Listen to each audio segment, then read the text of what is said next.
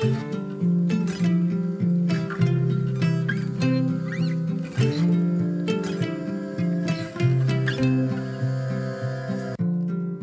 och välkommen till For Health med Anna Sparre. Idag blir det intervju med Stephanie Keto Person om ketogen kost. Vi pratar om allt från hur hon botade sin mammas cancer med kosten, till detaljer kring hur du blir keto adapted, alltså anpassad efter en ketogen kost. Vi pratar träning på ketogen kost, utmattning och binjureproblem i förhållande till en ketogen kost och mycket annat. Och såklart hur du ser 20 år yngre ut med en ketogen kost. Vi hinner dessutom med att diskutera definitionen av en ketogen kost och skillnaden mot till exempel LCHF. Vi pratar tillskott, sömn, fasta och mycket annat. Det blir väldigt mycket spännande information och många tips för dig som äter en lågkolhydratkost, paleo, LCHF eller en ketogen kost. Så missa inte dagens avsnitt!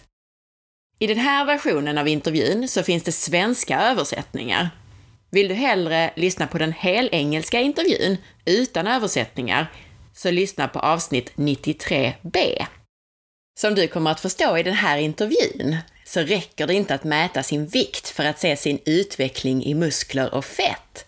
Ta reda på din kroppskomposition och din fettprocent för att se om du verkligen tappar fett och bygger muskler eller om det är vätska eller muskler du tappar när du går ner i vikt. Inbody gör kroppskompositionsmätningar som dessutom även mäter det inre fettet, visceralt fett. Inbodymätning kan du göra på vårdcentraler, friskvårdsanläggningar och hos kostrådgivare. Under referenser på inbody.se hittar du de ställen som har Inbodys utrustning där du kan testa din kroppskomposition. Tänk på att det är stor skillnad mellan olika mätare Inbody är validerad mot röntgenutrustning och har 98% validitet.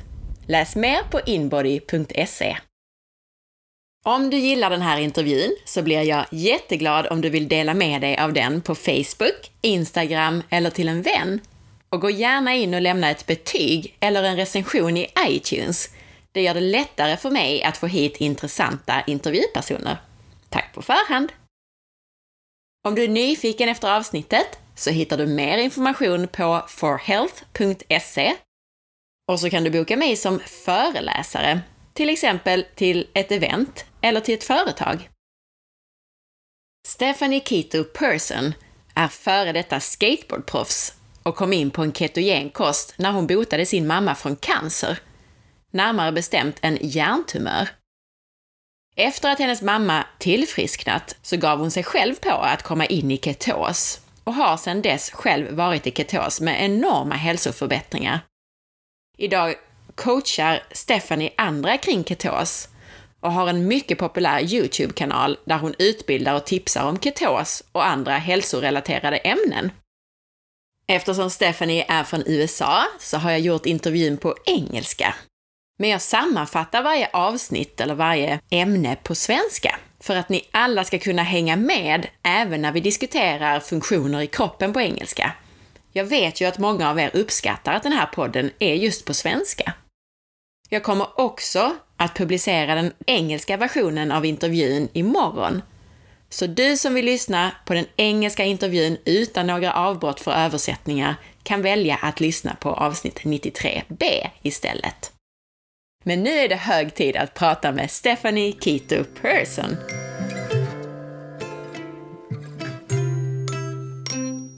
I'm so happy to get to talk to you today. I know, kanske vi kan prata lite svenska?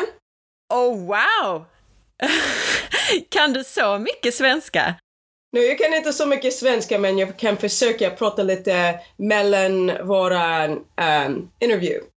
When you said to me that you knew some Swedish, I was like, yeah, she knows hi or something like that. wow. Ah! hey. When did you learn Swedish? How did you learn Swedish? Um, uh, I'll try it in Swedish. Um, jag bodde, bodde i uh, Göteborg några år sedan. Så när jag var en professional skateboarder, proff. Så jag, vad heter det, um, I toured around med många som kommer från uh, Göteborg. Så de försöker att lära mig svenska, så det, det är därför. Åh, oh, de lyckades! Du pratar jättebra svenska. Nej. Hur länge bodde du i Göteborg? Um, det är svårt att säga för att jag reste mycket med, med uh, skateboarding och åkte med skateboarding. Så jag bodde för några år och sen um, lämnade och did, uh, gjorde en turnering och sen uh, åkte tillbaka. Och sen i Göteborg jag um, har skadat mitt knä där. Så där jag stannade nästan tre år solid. Um, för um, operation, operation, I can't say it, operation. Yeah, operation. Yeah. So I had my surgeries over at uh, Sahlgrenska och Östra sjukhuset i uh, Göteborg. You see, so I have a connection to Sweden. Now, I haven't been there in many, many years. I haven't been there like 15 years, and I don't ever talk to people in Sweden, um, but there's a connection. Now you have to call me every week to just like uh, talk some Swedish. That's great. Right? Get some like practice, do a little, you know, uh, talk training or whatever. Well, that's great. So, although you're this superstar health profile in the States, I believe some of my Swedish listeners haven't come across you or your work before. So, can you tell us a little bit about yourself and how it happens that you got into health and, and eating and living healthy and so on? Well, it really has something to do with uh, me being a professional skateboarder and ending up touring uh, all over Europe, and we were eating garbage essentially just straight like gross nasty food from the, the, you know the, the gas station convenience stores and i started to get really sick of it. I was really craving home cooked meals. So when i started cooking myself i started going more towards the healthy route anyway. But it really for me to get into like a low carb high fat world was from uh, damaging my knee, and then also my mother uh, developing a terminal brain cancer called a glioblastoma. So then I started really re- researching about food and medicine, food as medicine. So that's how it really started. Stephanie berättar att hennes hälsoresa började med skateboarding. Hon åt mycket skräpmat direkt från bensinstationer och liknande när hon turnerade. Till slut så fick hon cravings för hemlagad mat och blev då hälsosammare. När hennes mamma fick cancer så kom hon in på en högfettskost och började göra efterforskningar kring kost som medicin. And we got a lot of questions about your mom's history in regards to cancer, so we will get to that. But I just have to ask you, how old are you right now? So jag är 48, so I'm 48 and I'm turning 49 in September. Wow, I had to ask you that because I didn't know that. And I mean, I will add a photo to the, this episode. This woman, you listeners, this woman is so ripped and she looks like she's 29 years old. You won't it, believe I'll it. take so. yeah. Stephanie fyller snart 49 år, men i själva verket ser hon nästan 20 år yngre ut. Supervältränad och ung. But in, in social media, you're referred to as Stephanie Keto. So where does that come from? How did you get into keto and a ketogenic diet? Uh, um, like I kind of mentioned before, when you already have an attraction to being healthy, because I don't really think it's about, oh, I just started eating really healthy. It's not one of those things. It's like I'm attracted to having a lot of energy and feeling vibrant. So I think I've always subconsciously had an attraction to living a, a better quality of life. So when things start to happen and transpire in everyone's life, I mean, we've got uncles and cousins and parents and whomever start to get sick. So my mother um, uh, started getting sick and was diagnosed with brain cancer. And so you go from kind of like being a little interested, a little bit into health to hardcore, let's go, let's go. And uh, a lot of research, research, research, research, research. And I had read and heard about the ketogenic diet so I was like, what's this? You know, because when you have a loved one that's diagnosed with something that's terminal and the doctors are like, there is no chance of survival, period, then you're like, well, hold on, let's see what I can do. And I think a lot of people have that way of thinking, but I'm really open minded to these unconventional practices like let's get rid of this processed carbohydrate. So uh, I started researching, and uh, my brother really was the one who was like, let's drop our carbs, let's drop our carbs. But then we dropped her carbs and we dropped her protein, and I was like, she's not eating anything. So I started to up her fat. And so um, they radiated her. They actually tried to cut as much of the tumor out as they could, but you can't cut around brain tumor a brain tumor because you're going to cut into actual brain tissue. So a lot of the time, sorry, I'm cooking chicken drumsticks, but um, a lot of the times, um, um, uh, so uh, people become discouraged, and I was like, let's just load the fat. So um, the tumor did start to grow back, like the doctors suggested it might, but then it just stopped. So she has a lesion in her brain that started growing and it stopped and it's been in a stopped motion for eight years so um, glioblastomas wow. are, are types of brain cancers you typically do not survive and she did so I don't know how much of that was keto, but it definitely, I think, dropping her carbs and cutting out all her processed carbohydrates played a huge role. And so from there, I started to do a lot of research just on ketogenesis, period, like crazy research. And I actually applied it onto, I was actually training clients some years back, uh, personal training. And so I applied this method onto my training clients for two years, eight people and it was like blam! All these type of metabolic issues and medications that they once needed for thyroid and rheumatoid arthritis and asthma all these things all these types of medications that my clients were able to go off of plus lose their quote unquote weight fat. And that's how i got into it. And here i am today. Stephanie kom in på en ketogen kost, delvis för att hon attraheras av energi, det vill säga att ha mycket energi. Och dels genom hennes mammas resa med cancer. Läkarna sa att hennes mamma inte hade någon chans att överleva.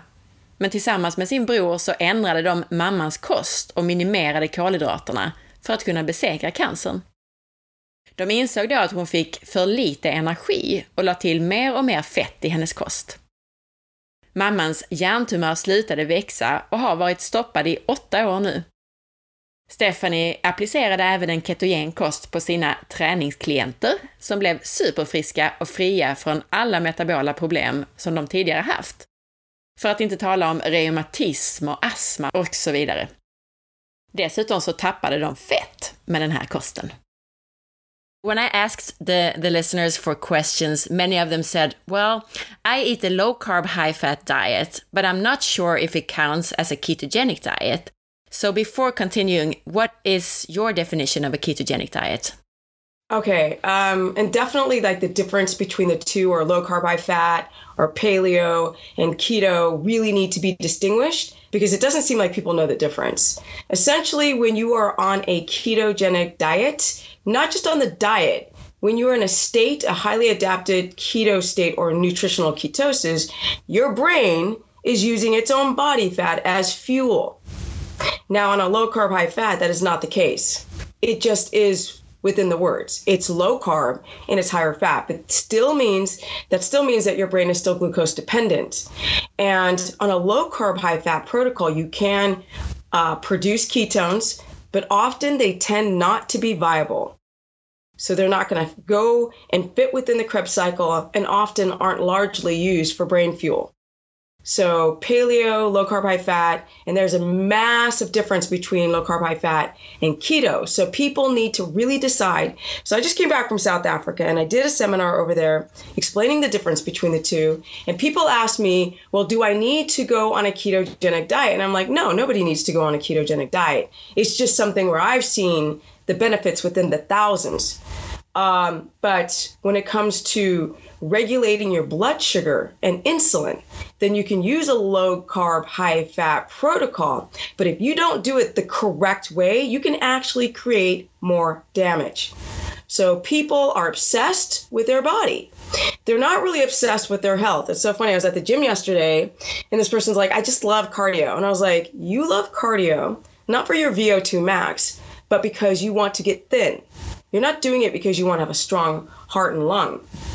And so when people go on a low carb, high fat, they say they want to get healthy, but they don't actually do enough prior research on what's going on with their body before they do such a protocol. Because if you've got hypoglycemia and you drop your carbs down to 50 carbs or net carbs, or uh, if you drop it lower, you could create more uh, pancreatic issues and adrenal issues. So that's why I really want people to under this, understand the difference between low carb, high fat, and keto, and not only the differences between ketones and glucose, but how both can actually agitate the thyroid or agi- uh, agitate other systems of the body if it's not applied correctly. So you guys out there have to start learning more about your own body.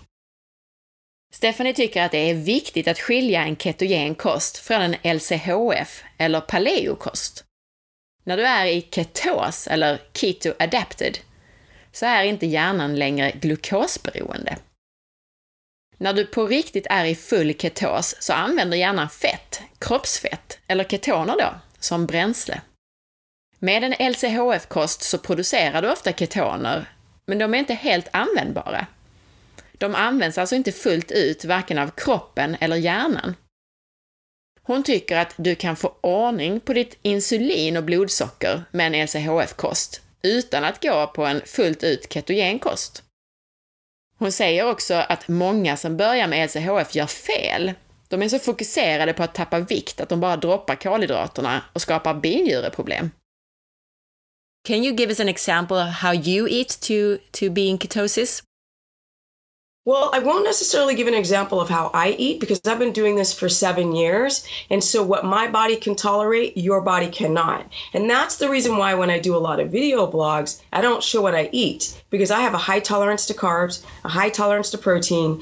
And most of these people don't have enough GLUT4 receptors to be able to clear out the glucose to be able to sustain their keto adaptation. So, what I can do is give you kind of an idea, a snapshot of what your macronutrients would look like. Um, starting a ketogenic protocol and as you would advance because the more you remain on in a state of ketosis, a highly adapted keto state, the more your body becomes tolerant to a lot of things, which means that your diet will evolve. So how I would eat in a day would be like get up, eat right away. So I might get up around 5:36, eat right away, break the fast. And a lot of people are like, "Why would you break the fast? In the wild, we would intermittent fast." And I say to people often, Yes, but we also rested and digested. We didn't have poor adrenal health and thyroid disease and all these ridiculous things and poor gut health.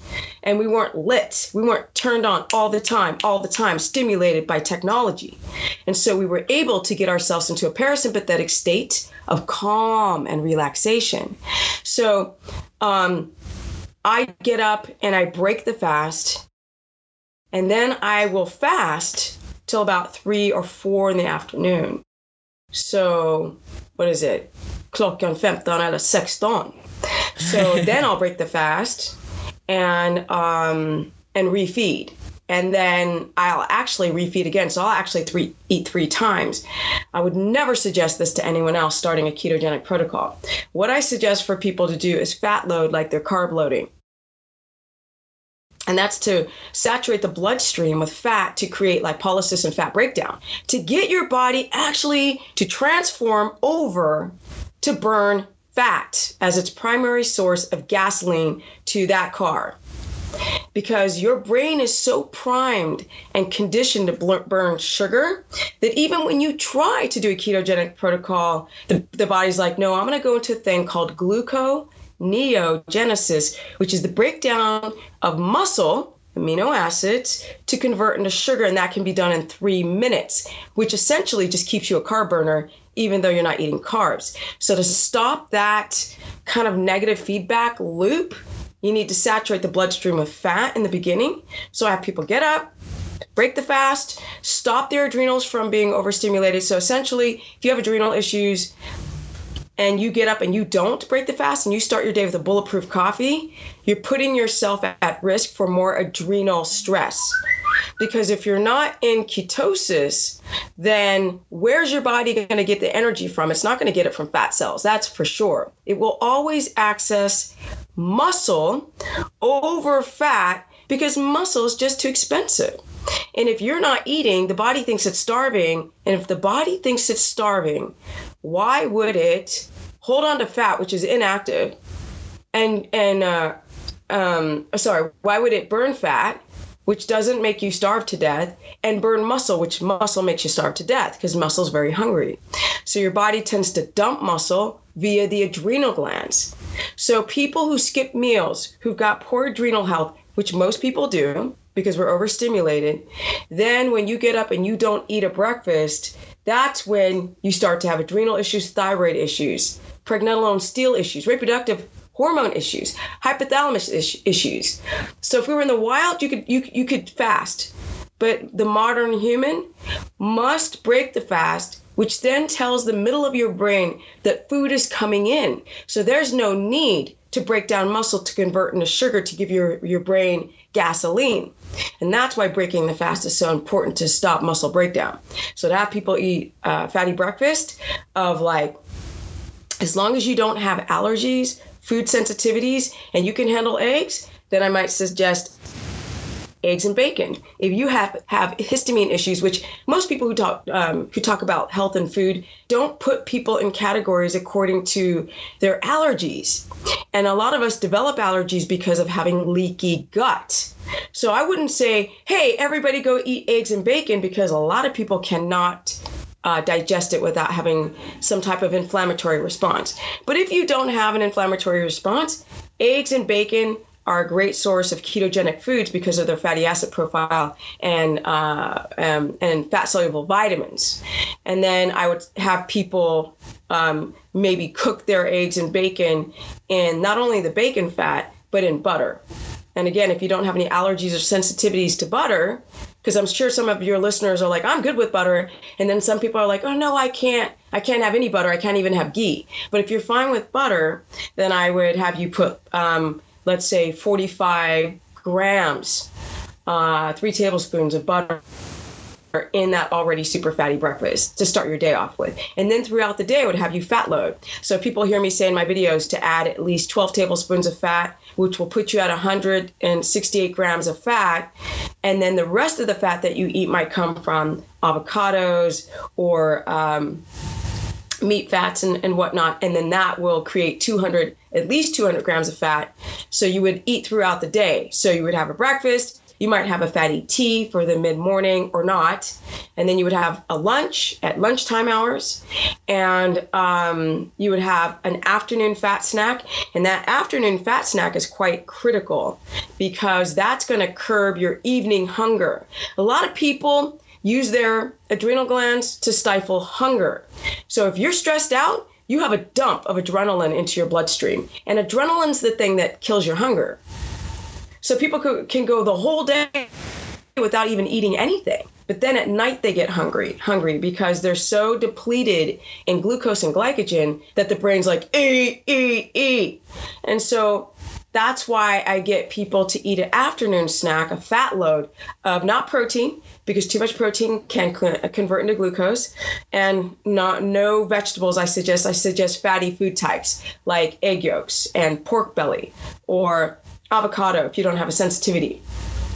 And so you do an afternoon fat load, and then uh, come dinner, you would take down your amount of fat and proteins and have a small dinner.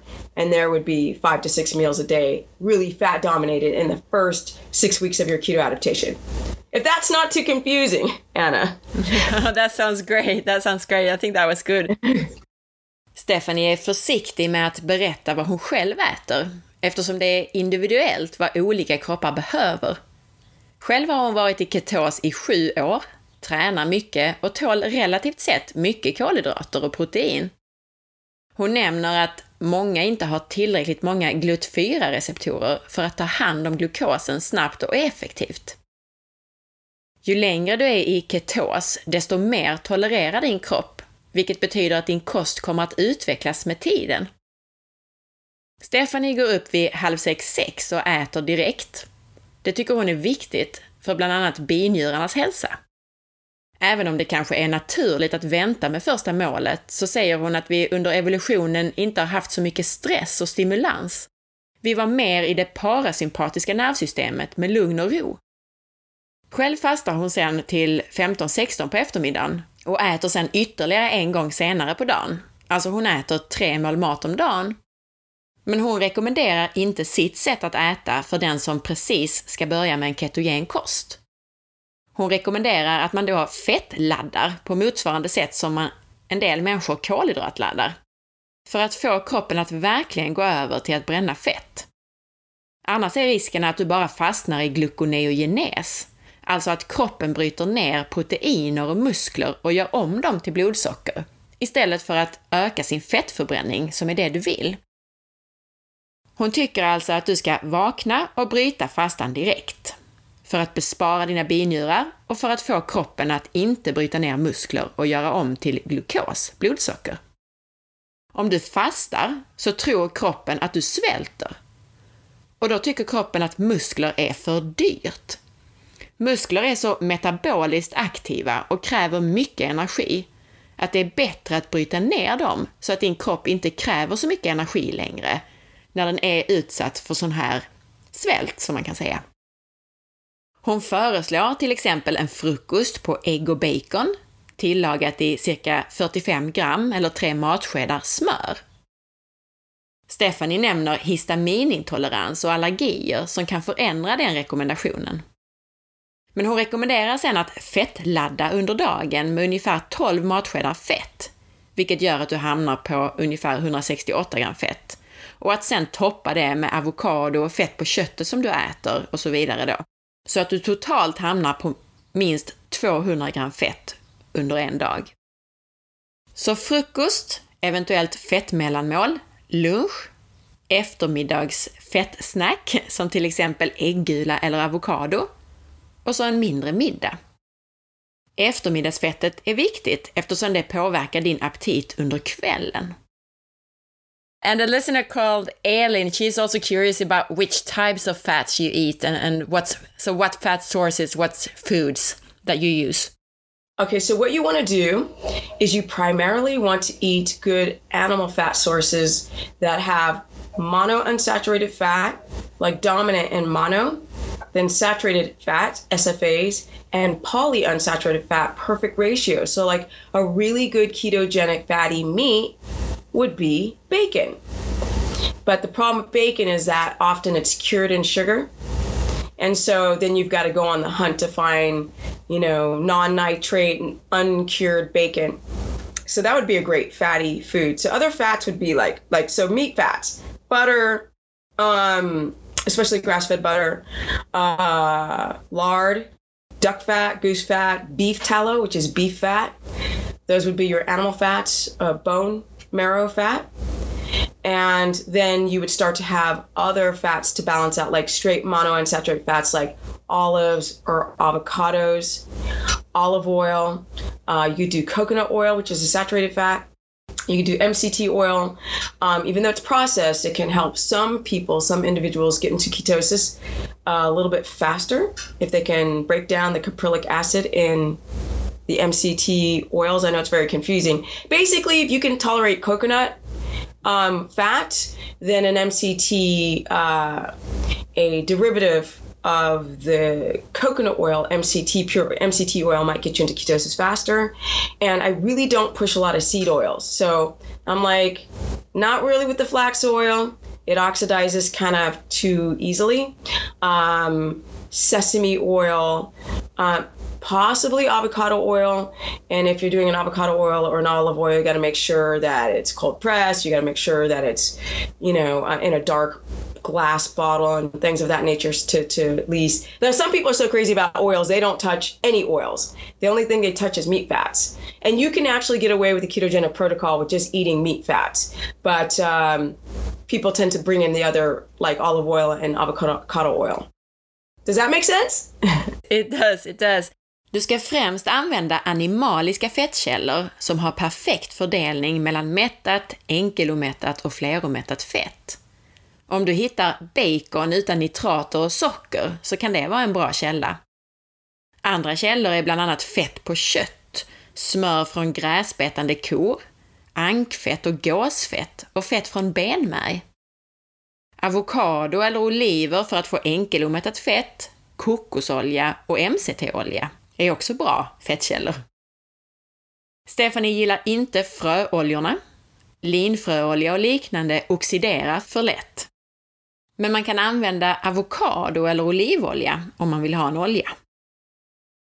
You mentioned about 200 grams of fats every day, but what's the ratios or, or how much protein and how much carbs or how little carbs actually every day? So the, the 200 grams of fat is a baseline. So I get people to start at 200 grams of fat at 80% of 200 grams of fat. So you start with 200 grams of fat, and then with 200 grams of fat, you're going to take 80% fat. So 200 grams, that's your 80% or 85. And then you're going to take your protein and your carbohydrates in ratios. So, or percent, or, or um, not ratios, but you want to put it in parameters like um, between this number and this number. So everything comes down to your size, um, your athletic lean body mass, and um, your activity levels. So I'll put men in ranges between um, 60 grams of fat to about 85 grams of fat per day max and then I'm going to, and remember the start point for your fat is 200. You can go up to 400 depending on the person, um, and depending on the activity level. Like if you're if you are an endurance athlete, for example, um, and then I would put your protein, no, your protein, and then your carbohydrates are going to sit around five percent at about um, uh, 15 to around 25 net carbohydrates coming from cruciferous fibrous vegetables only. So there's your 80 15 5. Good. Now now I think everyone everyone gets it now. That was okay, really good. Cool. De 200 grammen fett, det är baseline, utgångspunkten. Men det kan bli upp till 400 gram beroende på ditt energibehov. Och Stephanie rekommenderar att man startar med att fettet ska utgöra 80-85% av ditt intag under dagen. Kolhydrater och protein utgör resterande, där kolhydraterna hamnar på mellan 15 och 25 gram per dag, enbart från fiberrika grönsaker. Och protein kan hamna på runt 65 till 80 gram för en man. Hon sa nog fel där, för hon sa fett, men jag är övertygad om att hon menar 60 till 80 gram protein dagligen. Och alla mängder beror på din storlek, hur mycket du tränar, hur mycket muskler du har och så vidare. As I said, several listeners asked about uh, the history of your mom and the cancer. So, how did you change your mom's diet and what did she actually eat? Okay, so essentially, uh, in the beginning, it was because I really want people to understand um, more things about cancer because I've become sort of that, because of my mother's story, people come to me as the cancer expert, which I am not. But in her case, what we did. And mind you, at that time, I didn't know what I was doing. So I've got to be very careful. I explain this uh, to the listeners. But what we did was we cut out, first, we cut out all toxins. So that plays a role. So that means deodorant, toothpaste, toothpaste hand soap, dish soap, laundry detergent, you name it, anything that you spray to clean a counter with, we cut it all out. So that also plays a role. What you want is your liver and kidneys to be able to um, detoxify. And if you're stuffed with chemicals, the diet may not work. So uh, that's the first thing. Then the second thing was to cut out all of our starchy carbohydrates and sugars like bread, rice, pasta, quinoa, oatmeal, uh, crackers, cookies, chips, ice cream, cereal, you know, muesli, whatever, what some health. We cut out everything, and um, uh, and then we started to bring in cruciferous vegetables, greens, mustard greens, collard greens, broccoli, asparagus, cabbage, all of these types of uh, fibrous vegetables.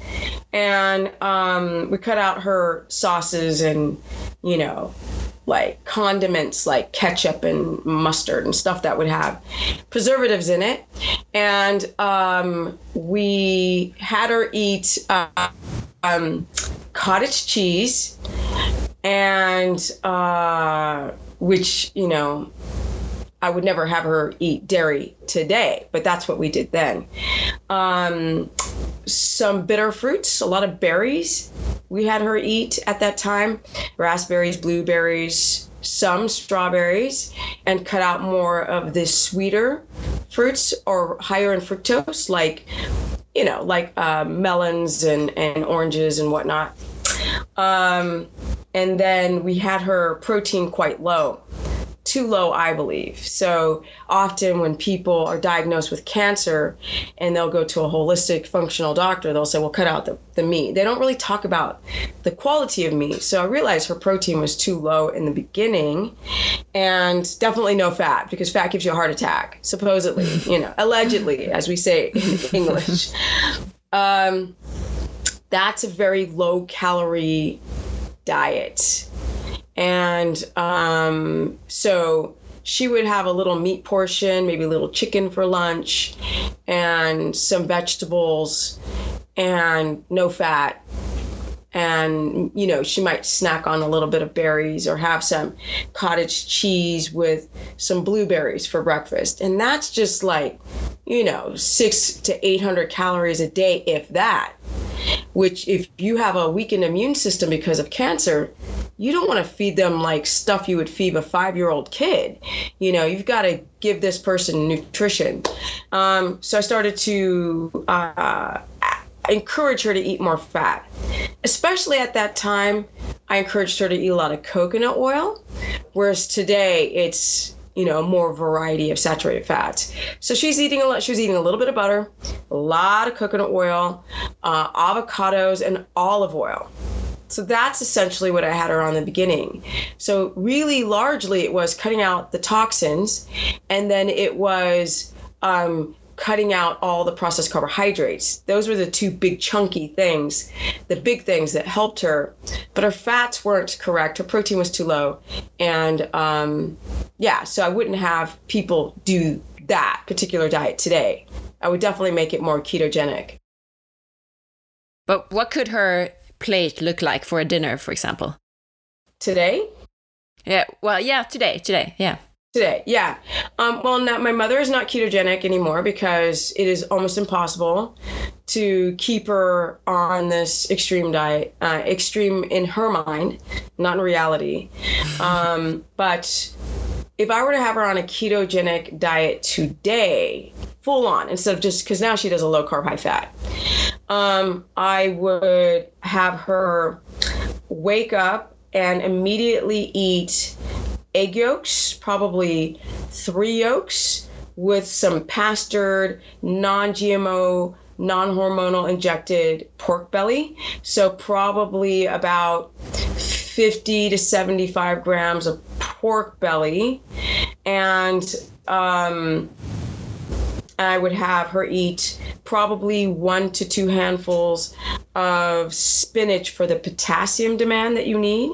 And I would have her definitely put some Himalayan salt on there for the magnesium and sodium.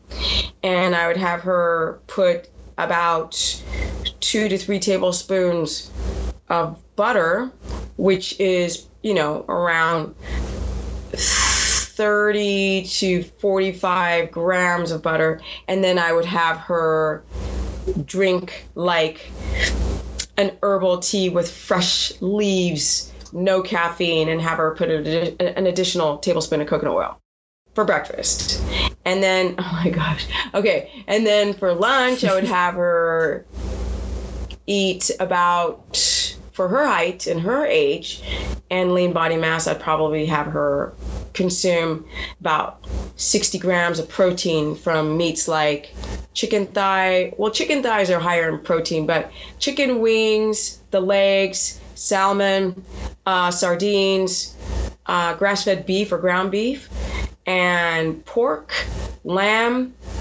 Um, those would be her primary meats. Yeah. And then on occasion, if she were out at a restaurant and she wanted to have scallions or shrimp, and have like a lean protein, it would be okay if she did that just a few times a year. But on the daily, I would have her eat these fatty meats. And then with, let's say, excuse me, if she had like a salad, I would have her do, if she has no thyroid, thyroid issue, I'd have her do a leafy green with um, probably about three tablespoons of olive oil, maybe, or three tablespoons of homemade mayo.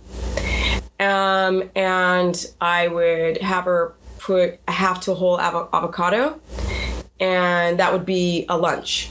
And then as an afternoon snack, I would have her either do like a cup or two of bone broth, and I would add fat to the bone broth. So I'd add like 30 grams of fat. It can be lard, it can be butter. Uh, or coconut oil to her fatty tea, or not fatty tea, her um, her bone broth, and then I would also do the same if she were to have a tea and add fat to it, like a bulletproof herbal tea with no caffeine.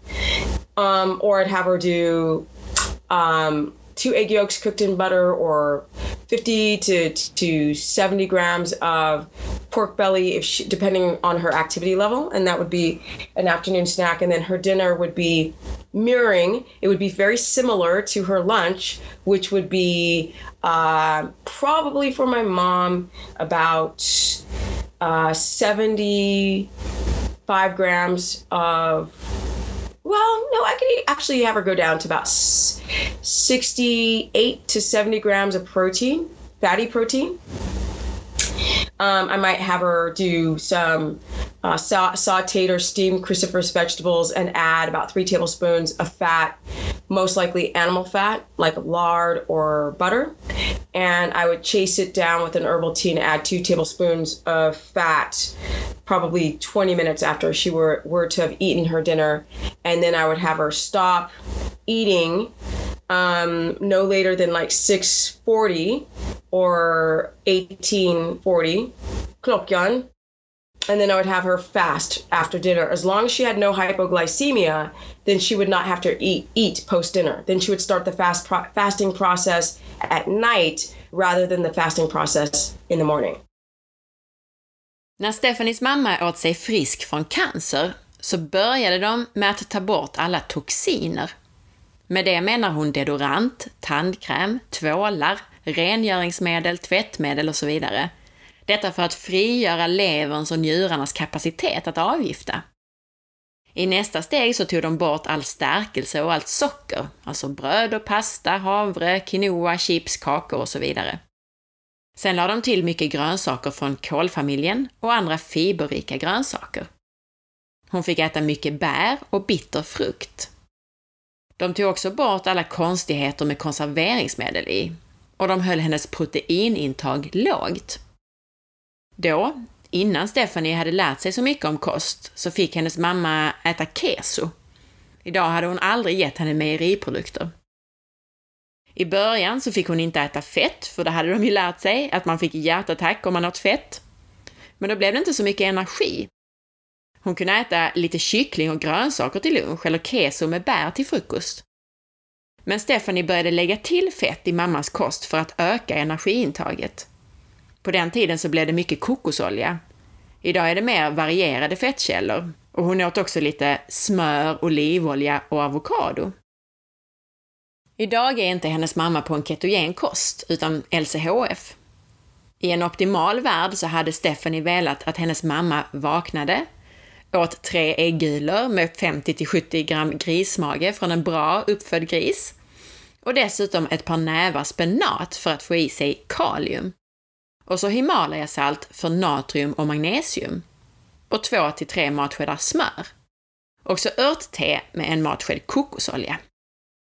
Till lunch 60 gram proteinkälla från fetare källor, till exempel kycklingvingar, sardiner eller lax, eller kött från gräsbetande djur. Mörkgröna bladgrönsaker med tre matskedar olivolja, eller hemgjord majonnäs. En halv till en avokado. Eftermiddagssnack i form av till exempel benbuljong med 30 gram extra fett tillsatt. Eller två äggulor tillagade i smör. Middag 60-80 gram proteinkälla från fetare källor igen, med kolgrönsaker med cirka 3 matskedar fett tillsatt. Örtte med två matskedar fett cirka 20 minuter efter middagen. Och sen skulle hon inte äta något mer efter ungefär 20 i 7 på kvällen. About that, a lot of people say that when they go on a ketogenic diet, they actually wake up in the middle of the night. Do you have any experience of that? Yes and no. I think a lot of the times that people wake up in the middle of the night, it's because of the fact that they're not eating enough fat in the day. Um, if you have hypoglycemia or any type of insulin resistance, these people tend to wake up in the middle of the night from a cortisol spike. They tend to be hungry, and you don't want to produce more cortisol because you're hungry. That's a bad reaction. So, in, in very rare cases with extreme hypoglycemics, I would definitely suggest to feed at least two hours before bed or an hour and a half. Never, bef- never within an hour. That's too close to bedtime. Um, and you know eating food at night forces your body to have to clock in at the job and start working again. And if your body's trying to release growth hormone or burn fat it's going to divert away from those healing properties to digest food. And that's a big reason why you don't want to eat food late at night um, is to give your digestive system that break. But um, if you eat enough fat i mean i've coached it's, it's almost 2000 people now. And if I have enough fat in their diet, they do not wake up hungry. In fact, they get paranoid and worried that the hunger goes away so fast, they think there's something wrong with them. So my technique is working. So I don't really have people wake up in the middle of the night hungry. Jag kommenterar det faktum att en del som går över till en ketogen kost börjar vakna upp på natten. Stephanie tror att det kan bero på att de inte äter tillräckligt mycket fett på dagen. Personer som har lågt blodsocker eller insulinresistens vaknar lätt upp på natten av kortisol och är då hungriga. Hon rekommenderar då att man äter en och en halv till två timmar innan sänggående. Hon gillar inte att äta precis innan sänggåendet eftersom det tvingar kroppen att jobba med det istället för att fokusera på läkning och utsöndring av tillväxthormon och annat som den ska göra på natten. Men Stephanies erfarenhet är att om man äter tillräckligt mycket fett så vaknar man inte på natten. About your mom and, and your mom's diet and so, when you put her on that diet, did she also simultaneously go on chemotherapy, radiation therapy, anything like that? No. Um, um, well, I would say that the application of my kind of version of keto at the time, my night, my naive version, was more close to the end of her chemotherapy radiation uh, period. So it was kind of the aftermath of of all this all these horrible things that they do when you have cancer. And then um, the lesion started to grow back. And then it was like okay what can we do to stop this lesion? So it wasn't all at the same time. Yeah it was towards the end of her chemotherapy. And now i mean is it still there or is she cancer free she's cancer free the growth is there but it hasn't the cells haven't divided. It's nothing's happening. It's just sitting there. And it's been wow. eight years. So you know she had mris taken i think for the first three three four years. And they would uh, check her brain every two months. And it just sat there and sat there and sat there. And they were like we don't understand why it's not growing. But whatever you're doing just keep doing it so that was the the the uh, you know the word of the oncologist and the doctors. I'm so happy to hear that. That's great. Yeah, it's awesome. Kostinterventionen som gjordes på Stefanis mamma gjordes efter den huvudsakliga behandlingen med strålning och kemoterapi och så vidare. Det som hände efter den konventionella behandlingen var att sjukdomen eller tumören började komma tillbaka och växa. Och kostförändringarna var ett svar på vad de kunde göra åt det här, att den kom tillbaka. Nu är hon cancerfri. Det finns tumör kvar, men ingenting händer. Den växer inte. Och det har varit stabilt i åtta år nu. You you told me a little bit about how you ate when you were competing in skateboarding, but do you think you would have made even better results if you had eaten as you do today when you were a pro oh, skateboarder? Oh yeah, I'd be killing it, as we say here in Cali. I would be crushing it. Are you kidding me? no way. I would be like superhuman. Nothing, and I mean nothing in my life eh, is as good as keto feels. Nothing. So if I were to be doing, uh, if I had done keto, a ketogenic protocol back in the day, I would be superhuman. It'd be stupid. it would be like, what drug is she taking? There's no way. Like, it would have been amazing because as a skateboarder, as an athlete, when you're doing a lot of aerobic exercise, you deplete your glycogen storages quite fast. And your brain is like, if you're going to keep moving, I need gasoline. But, you know, us athletes don't do that. We eat and then we just grind our bodies to the ground without refeeding. So I know with runners they try to take gels and sugars to not uh, bonk or completely have the brain just hit the wall. But um, skateboarding was kind of like we would skate five, six hours, and I actually skated quite a lot in Sweden. And I'm actually in OK Magazine years ago. Um, like in 1986, I was in Sweden and um, did a summer camp, and with uh, like what is it, Per Holknekt, his partner. People know who Per Holknekt is, but um, so back in the day, if I would have been eating keto, I wouldn't have hit that wall, right, where your glycogen, your energy is depleted. And I would be super hypo, kind of glycemic at the time. I would sit and get shaky and moody, and um, I would just be super airheady you know, i huvudet. I'd be just super, um, yeah, just back in the day, I would have like skin issues, digestive issues, energy issues. My sleep was horrible. So if I would have done a ketogenic protocol at that time, I, I would have done really, really well as a pro skateboarder. Yeah, I can hear that you would probably have been able to train harder and more. That's probably what you're saying, yeah. right? longer mostly longer with more with vigor and energy like more stamina and uh, i would have been more emotionally balanced right because your reproductive hormones your sex hormones get wonky when you're not eating consistently throughout the day and so this is called pregnenolone steal where cortisol actually robs from your sex hormones. And that's why so many women are estrogen dominant beyond the diet and beyond like xenoestrogens in our plastic bottles and stuff. But just the fact that we skip meals and we we crash. So every time you crash after like if you go too long without eating and you're still like working, taking care of the kids, exercising, and you're just using coffee, then that coffee is going to force the adrenal glands to pump out energy it's not equipped for. And this damages your whole balance, a system of balance like the, as we say, checks and balances to keep you right in that nice middle zone. And so um, that's why I really love talking about a ketogenic protocol, um, like next level to low carb, high fat, because you can actually repair a lot of that damage from, you know, going like going all day and not eating enough food and not taking care of your body.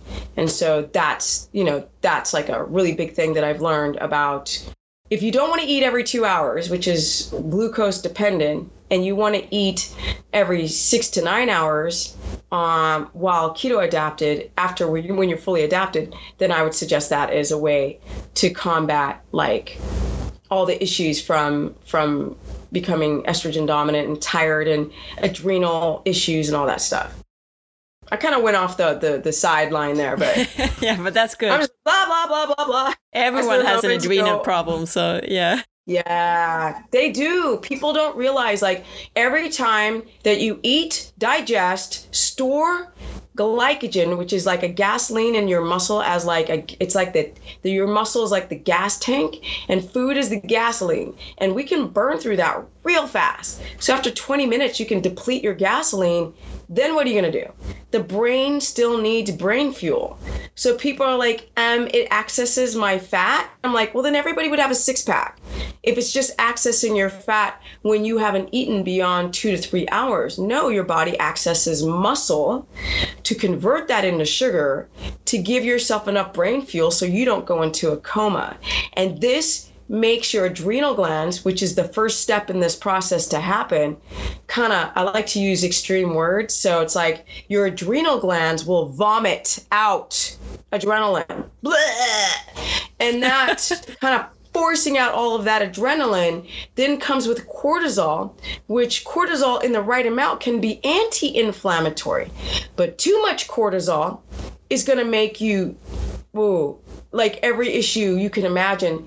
Plus, it breaks down the amino acids, protein from muscle to feed the brain. And that's why so many people have adrenal fatigue. Very good explanation, I think. cool. Stephanie är övertygad om att hon hade gjort bättre resultat om hon hade ätit som hon gör idag när hon tävlade i skateboarding. Hon hade varit helt övermänsklig, som hon uttrycker det själv.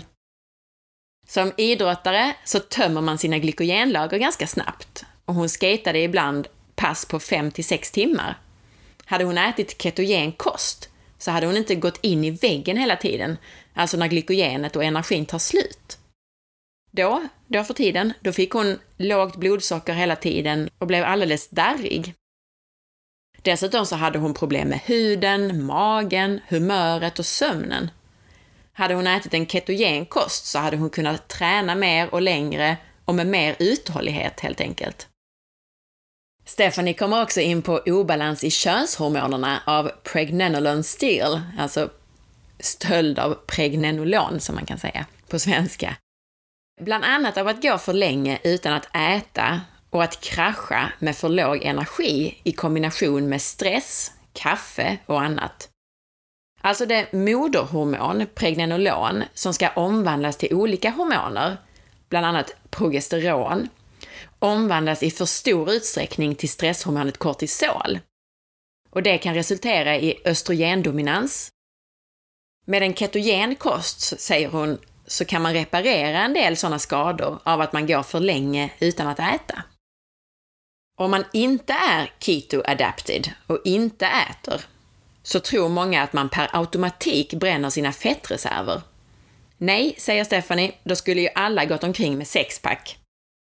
Det du bryter ner är muskler för att konvertera till energi som hjärnan kan använda, alltså glukos. Detta kräver dessutom att binjurarna jobbar hårt och det kan ge dig alla möjliga problem. Hon säger att detta är anledningen till att så många får trötta binjurar. Getting back to the training anyway on a ketogenic diet, I mean, everyone asks, don't you need some more carbs while training, and especially in high intensity sports? So, talking about Usain Bolt, for example, doesn't he need any more carbs than you do, you think? Um, I mean, let's keep it real, right? how many of us are competitive 100 meter sprinters? You know, it's like less than 1% of the population. So to really be an elite athlete, yeah, it can compromise your high intensity like like sport, like sprinting and things of that nature.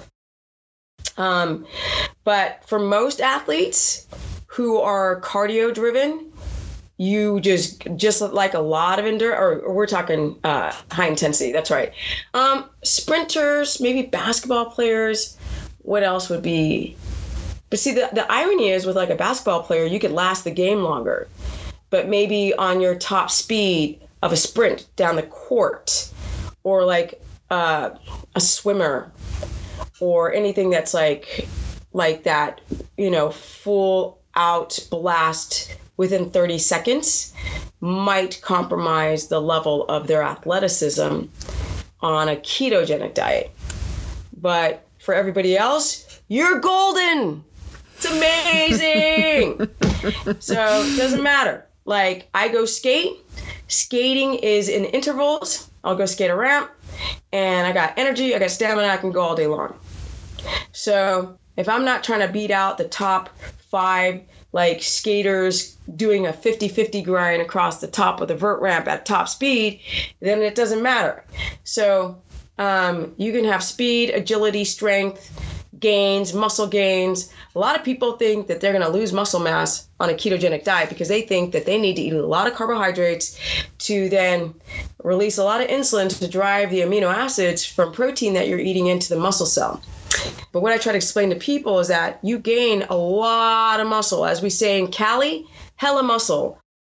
You gain a lot of muscle from being in a anabolic state. You're less catabolic because uh, when you work out essentially and you eat carbs, the second that your glycogen, that gas tank, is empty, you access muscle. So, how can you grow muscle when you're constantly eating your own muscle? And that's why people start to eat even more carbs and more protein. But this makes a lot of these bodybuilders insulin resistant because we're not supposed to be having more than five grams of glucose per meal. And no, I didn't stutter. Five grams is one teaspoon. That's smaller than a tablespoon. And that's how much carbohydrate that your body can handle safely without having too high of an insulin spike. So if we lived outside in the wild, we wouldn't have the access to carbohydrates more than five grams because we would be eating bitter berries, bitter fruits, and um, we would be eating uh, greens, vegetation that are incredibly low in carbohydrate. We don't, the pancreas cannot do the math. And I've said this before in other videos. Your pancreas cannot understand over five grams. It doesn't do the math for that.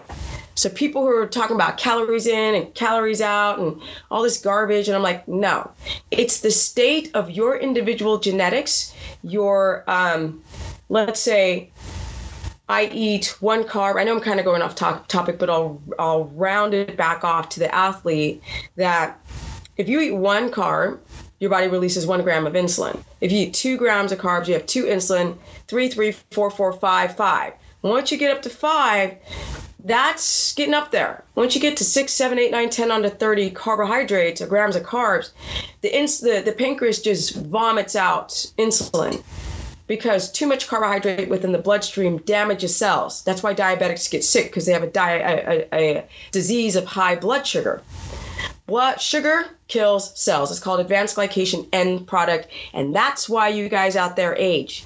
So, when it comes to an athlete and you're reliant on a carbohydrate source, if you're a bodybuilder and you're eating like 300 carbs a day, 300 and your body's well equipped to um, the pancreas is well equipped to deal with about um, let's say 20 to 50 net carbs per day max. That's what your body is well equipped for. And so when you're eating 300 carbs, then the body has to just constantly overcrete, secrete insulin from the pancreas. And then that's when you start to develop pancreatic insufficiency. Your insulin doesn't work anymore. So you have to eat more carbs to create more insulin to drive the protein that you're eating into the muscle. And that whole cycle is completely catabolic and that breaks down the body. And that's why I say that athletes aren't healthy. They are not healthy. So a person who's like a fitness person who wants to do a ketogenic diet and they adapt first. So the the whole hell of it, the whole like stress of it is just to try to adapt first. Cuz you don't adapt in a week like you hear on the internet. It can take months and months.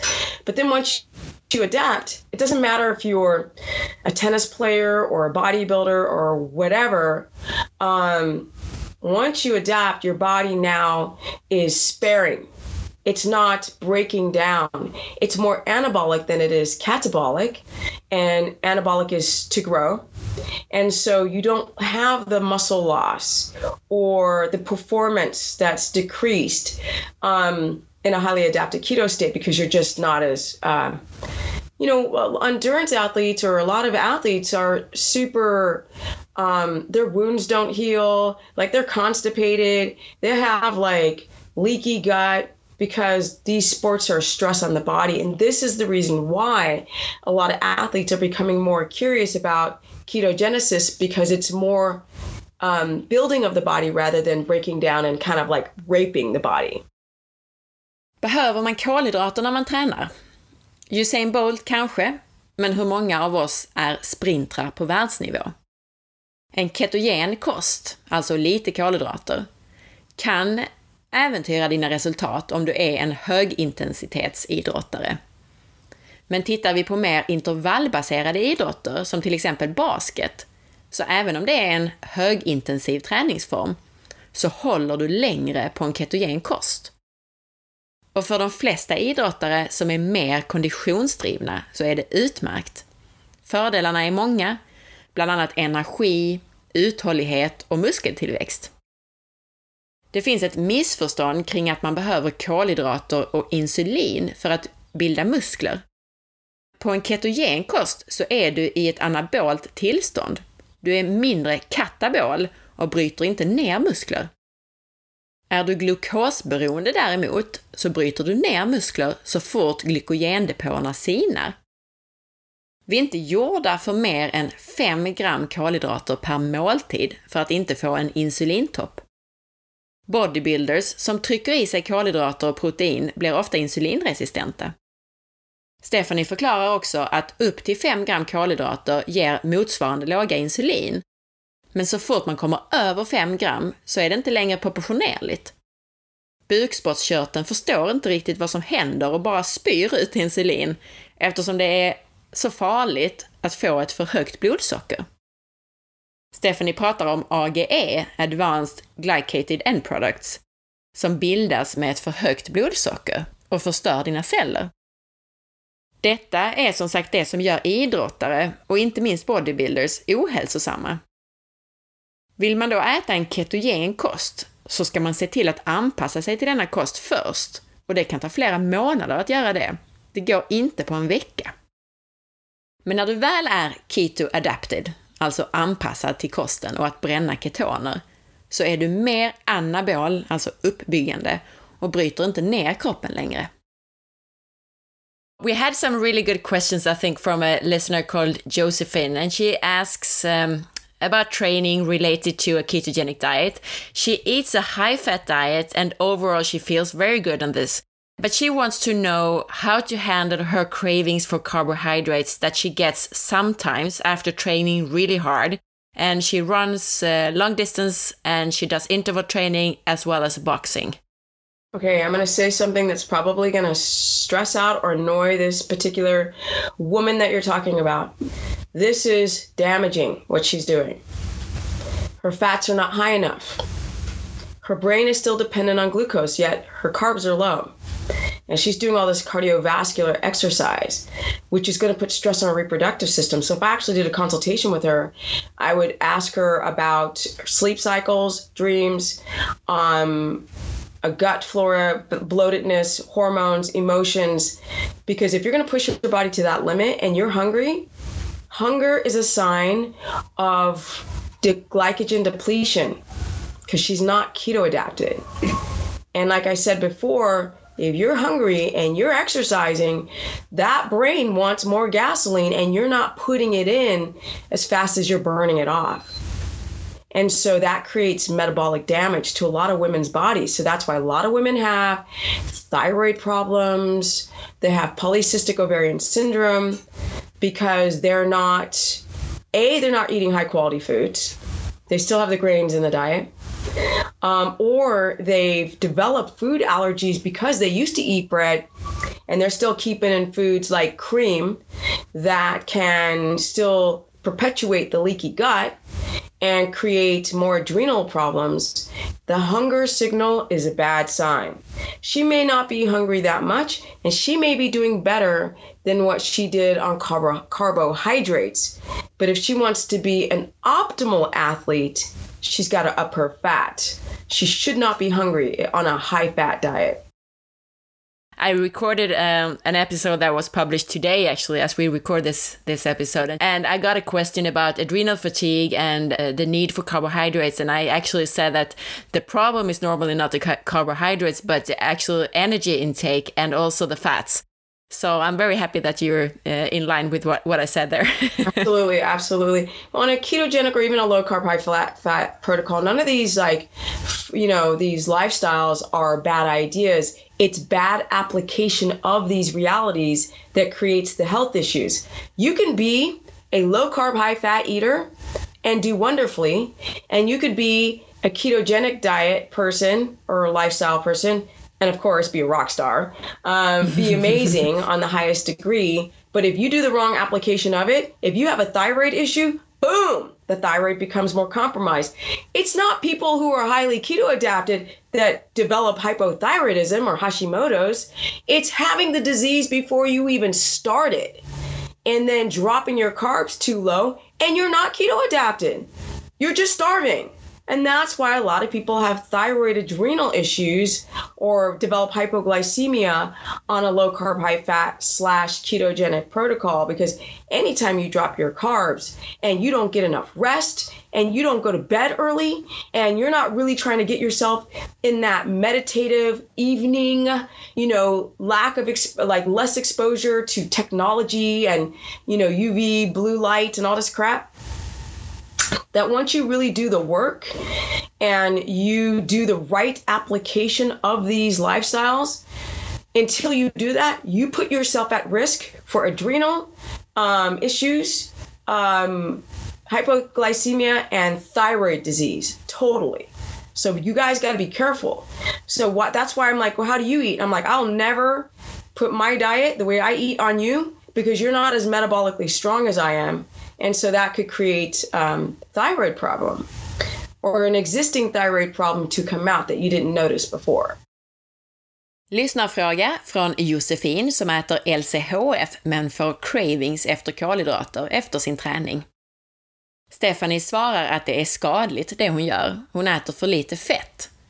Hennes hjärna är fortfarande beroende av glukos och hon äter lite kolhydrater. Hunger är ett tecken på glykogenbrist. Hon är inte keto-adapted, alltså anpassad till att bränna ketoner. Och så händer det som Stephanie beskrev tidigare, där man kraschar och bryter ner sig.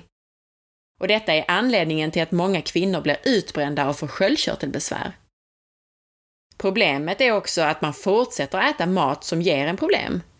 Kanske har man uteslutit spannmål, men man fortsätter att äta grädde, vilket gör att man fortsätter ha problem som läckande tarm och skapar mer binjurebesvär. Kanske mår hon bättre än hon gjorde på kolhydrater, men om hon ska optimera sin hälsa så ska hon öka fettet. Hon ska inte vara hungrig på en högfettskost. Jag kommenterar också att jag i avsnitt 91 pratar om att problemet vid binjurebesvär ofta inte är kolhydrater i sig, utan att man äter för lite energi, för lite fett. Stephanie säger att LCHF och liknande är bra för hälsan, men att det är vanligt att man använder det på fel sätt. Och har man då ett sköldkörtelproblem i botten till exempel, så förvärras det. Hon säger att det är inte så att man går över till en högfettskost eller ketogen kost och får sköldkörtelbesvär, utan det handlar om att man har sjukdomen redan innan man började med kosten. Och så sänker man kolhydraterna massor utan att vara keto-adapted och kunna använda ketoner i full utsträckning. Det vill säga, du försätter dig bara i svält. Och detta är anledningen till sköldkörtelbesvär, binjurebesvär och lågt blodsocker, hypoglykemi. Du måste också göra arbetet med allt, alltså sova, inte sitta med blått ljus och teknikprylar sent på kvällen och så vidare.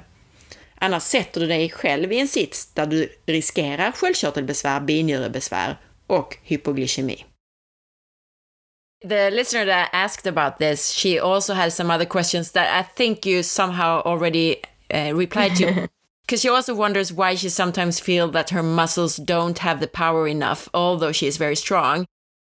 And also how she should eat and how she should time her meals to get more power and energy. So, should we say on keto or low carb, high fat? Well, you already explained that she needs to eat more fat and be more fat adapted, but how should she time her meals? Well, see, the reason why I ask if it's a low carb, high fat, because I'll answer the question about the food timing. With, with a low carb, high fat, you would have to time your carbs out perfectly to have strength. So, if you're going to eat sweet potato, time it every two hours and make sure that your glycogen does not become depleted. You still have to keep your fat high, but you have to time your carbs every two to three hours max. And you have to find quality. If you don't have a nightshade problem, then you do sweet potato, or you would do yellow squash, or you would do berries, or potentially white rice, which is a whole other story because the brown rice has plant chemicals and the bleaching process gets rid of the the phytates. But if you do a ketogenic protocol, um, of course the fats have to be quite high, 200 grams to start with, and um, her strength gains are low. If she's doing keto, well, people in Sweden, okay, there's two things like um, the top countries of people being more aware of a ketogenic protocol are South Africa, Australia, England, Sweden, and then the US. If it's ketogenic, her strength losses are she's not in ketosis. Because when I gained about seven kilos of pure muscle on a ketogenic protocol, and I have a, a very small frame. So I was, it was all this experimenting that I was doing, and I got on the scale and I was like, you're joking. I literally went down a body fat percentage and went up seven kilos. That would be a lot for a guy. So the strength is I'm stronger than I've ever been, and I'll, I'll be 50 years of age next year because I'm almost I'm turning 49 soon. So if you're doing a low carb high fat protocol, not only is her fat too low, but her carbs are not timed out. Like eat breakfast. And as soon as you um, digest your breakfast, ideally, it would be great to go and do a workout fasted with maybe uh, MCT or coconut oil as your pre workout. And then directly post workout, you would uh, um, refeed on, another small amount of carbohydrate, probably about um, maybe 15 to 18 carbohydrate grams of carbohydrates per per meal if you did a low carb high fat. So that's a problem with a lot of people in Sweden who do low carb high fat. They don't have any starches. They just eat like a ketogenic low carb of just green vegetables and then their fat's low. And it's just disastrous to your adrenals and thyroid. So and stress, the body goes through a lot of stress doing that because it's not adapted. Um, so like with this girl's strength gains, I don't think she's doing keto because not that many people in Sweden do keto. I think she's doing low carb, high fat. And I think that she needs to use things like yellow squash and berries and um, maybe things like a little higher in carb, like onions, like yellow, red onions, uh, paprika, or um, I know I'm throwing in Swedish words everywhere, or, or here and there. Um, those would be her carbohydrates, and maybe 45 no t- no 28 to 30 grams of white rice and and and at least three main meals is what I would suggest that she would do and I would have her fats probably at 150 grams of fat per day on a non-ketogenic low carb high fat if she's doing keto then like I said at least 200 grams of fat um, I would probably I don't know how tall she is or how, how athletic she is but her protein probably could be around like 58 grams of protein which ironically is kind of high. Yes, and I didn't stutter. 58 grams of protein is high. um, I'm on a ketogenic protocol. There's just less of a demand for protein because you're less catabolic. So um, people don't understand that protein digestion and use does not go like we want it to. You can't just drink protein shakes and protein shakes have already been broken down and processed, so they hit your bloodstream too quickly and can spike your glucose. So that doesn't work on a ketogenic protocol. So people who, who are eating two, over 200 grams of, of protein or even 100 grams of protein tend to be not using a lot of that protein. A lot of that protein, everything has to go slowly. You have to chew it, chew, chew, chew, chew, chew. Then you have to swallow it. The stomach has to digest it. Enzymes and peptides and, and stomach acid has to break it down. That's a slow process. And then it has to go into your small intestine and then it has to be used. So if you put too much in the body, a percentage of that will not be used. So there's a lot of protein myths on the amount. And all, some of the guys out there might think I'm crazy, but proof is in the pudding.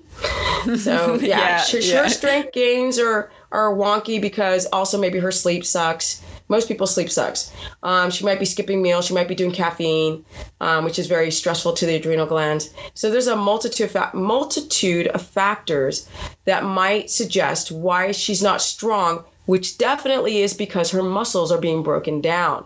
That's why she's not getting the strength gains. När det gäller timing av måltider i förhållande till träning Så på en LCHF-kost så behöver du tajma dina kolhydrater och se till att glykogenet inte tar slut. Du ska fortfarande hålla fettet högt, men du måste få i dig kolhydrater varannan var tredje timme, säger Stephanie. Hon nämner sötpotatis, bär och vitt ris som möjliga kolhydratkällor. Om det handlar om en ketogen kost så behöver du äta riktigt mycket fett. Börja på 200 gram om dagen, som sagt.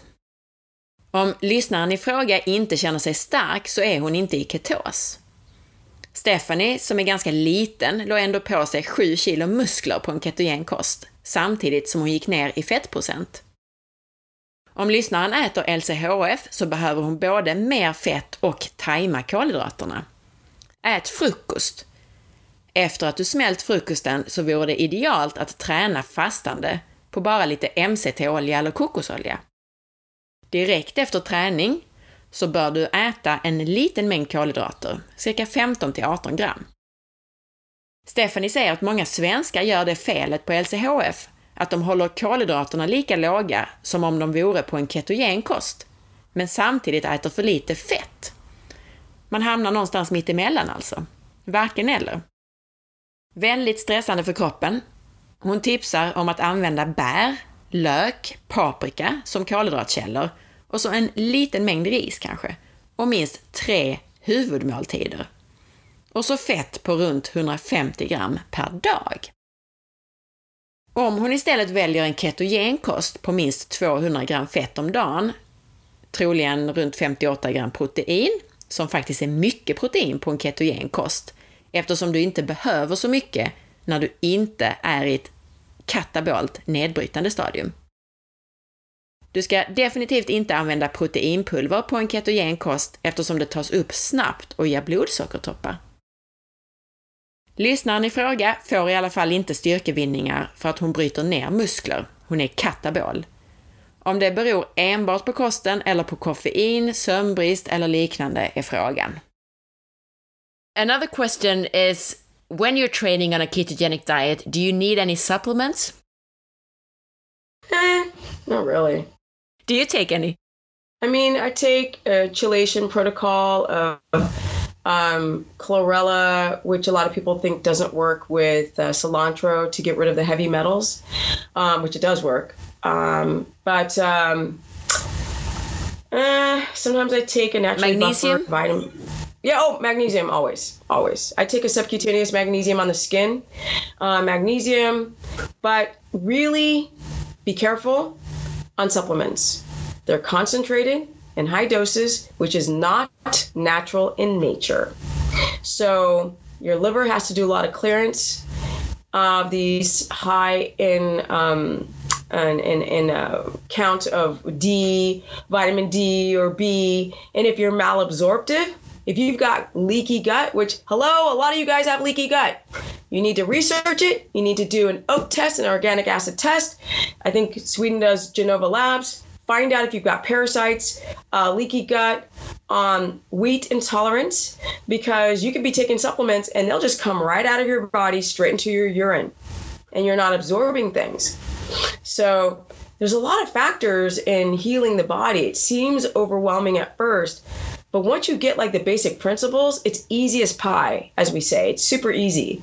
So um, supplements only in extreme situations, and you have to rotate them. You have to take them in and out. If you're going to take probiotics, don't just stay on a probiotic for a couple years. You got to like in out in out. If you're doing an anti-candida protocol four days on four days off. Rotate. You want to do oregano oil? You want to do um, lemon balm? You want to do um, some of these things that are uh, um, you know antifungal? Rotate them because the body will get used to it. Be careful what kind of probiotic strain because if you have leaky gut you can make your leaky gut worse or dysbiosis of the gut, you have to learn about what you're sticking in your mouth. So just don't go and grab these great probiotics or supplements that somebody else took.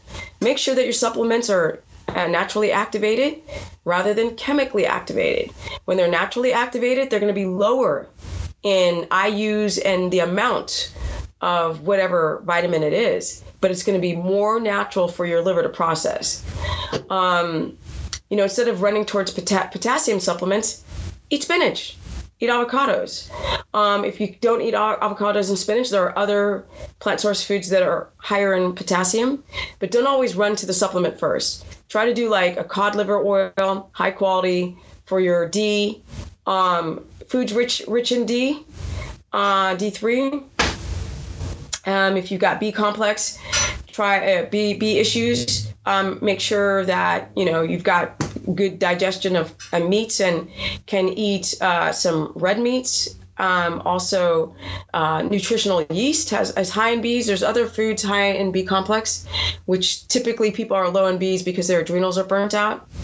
Um, if you have uh, like calcium things, calcium is uh, supplemental calcium and D is pretty toxic. I'm not gonna lie. So sometimes you just gotta like heal the gut first before slamming down a bunch of supplements. So you gotta seal the gut lining. That's probably the most important thing you want to do before taking a bunch of supplements. Now, vitamin C and magnesium are non toxic, so you tend to be able to take higher doses without issues with liver kidney. Um, yeah, be careful with the supplements. Try to get it all from real food first, and never, and I mean never, take protein powders unless, you know, your teeth are gone or something, and you have to sip it.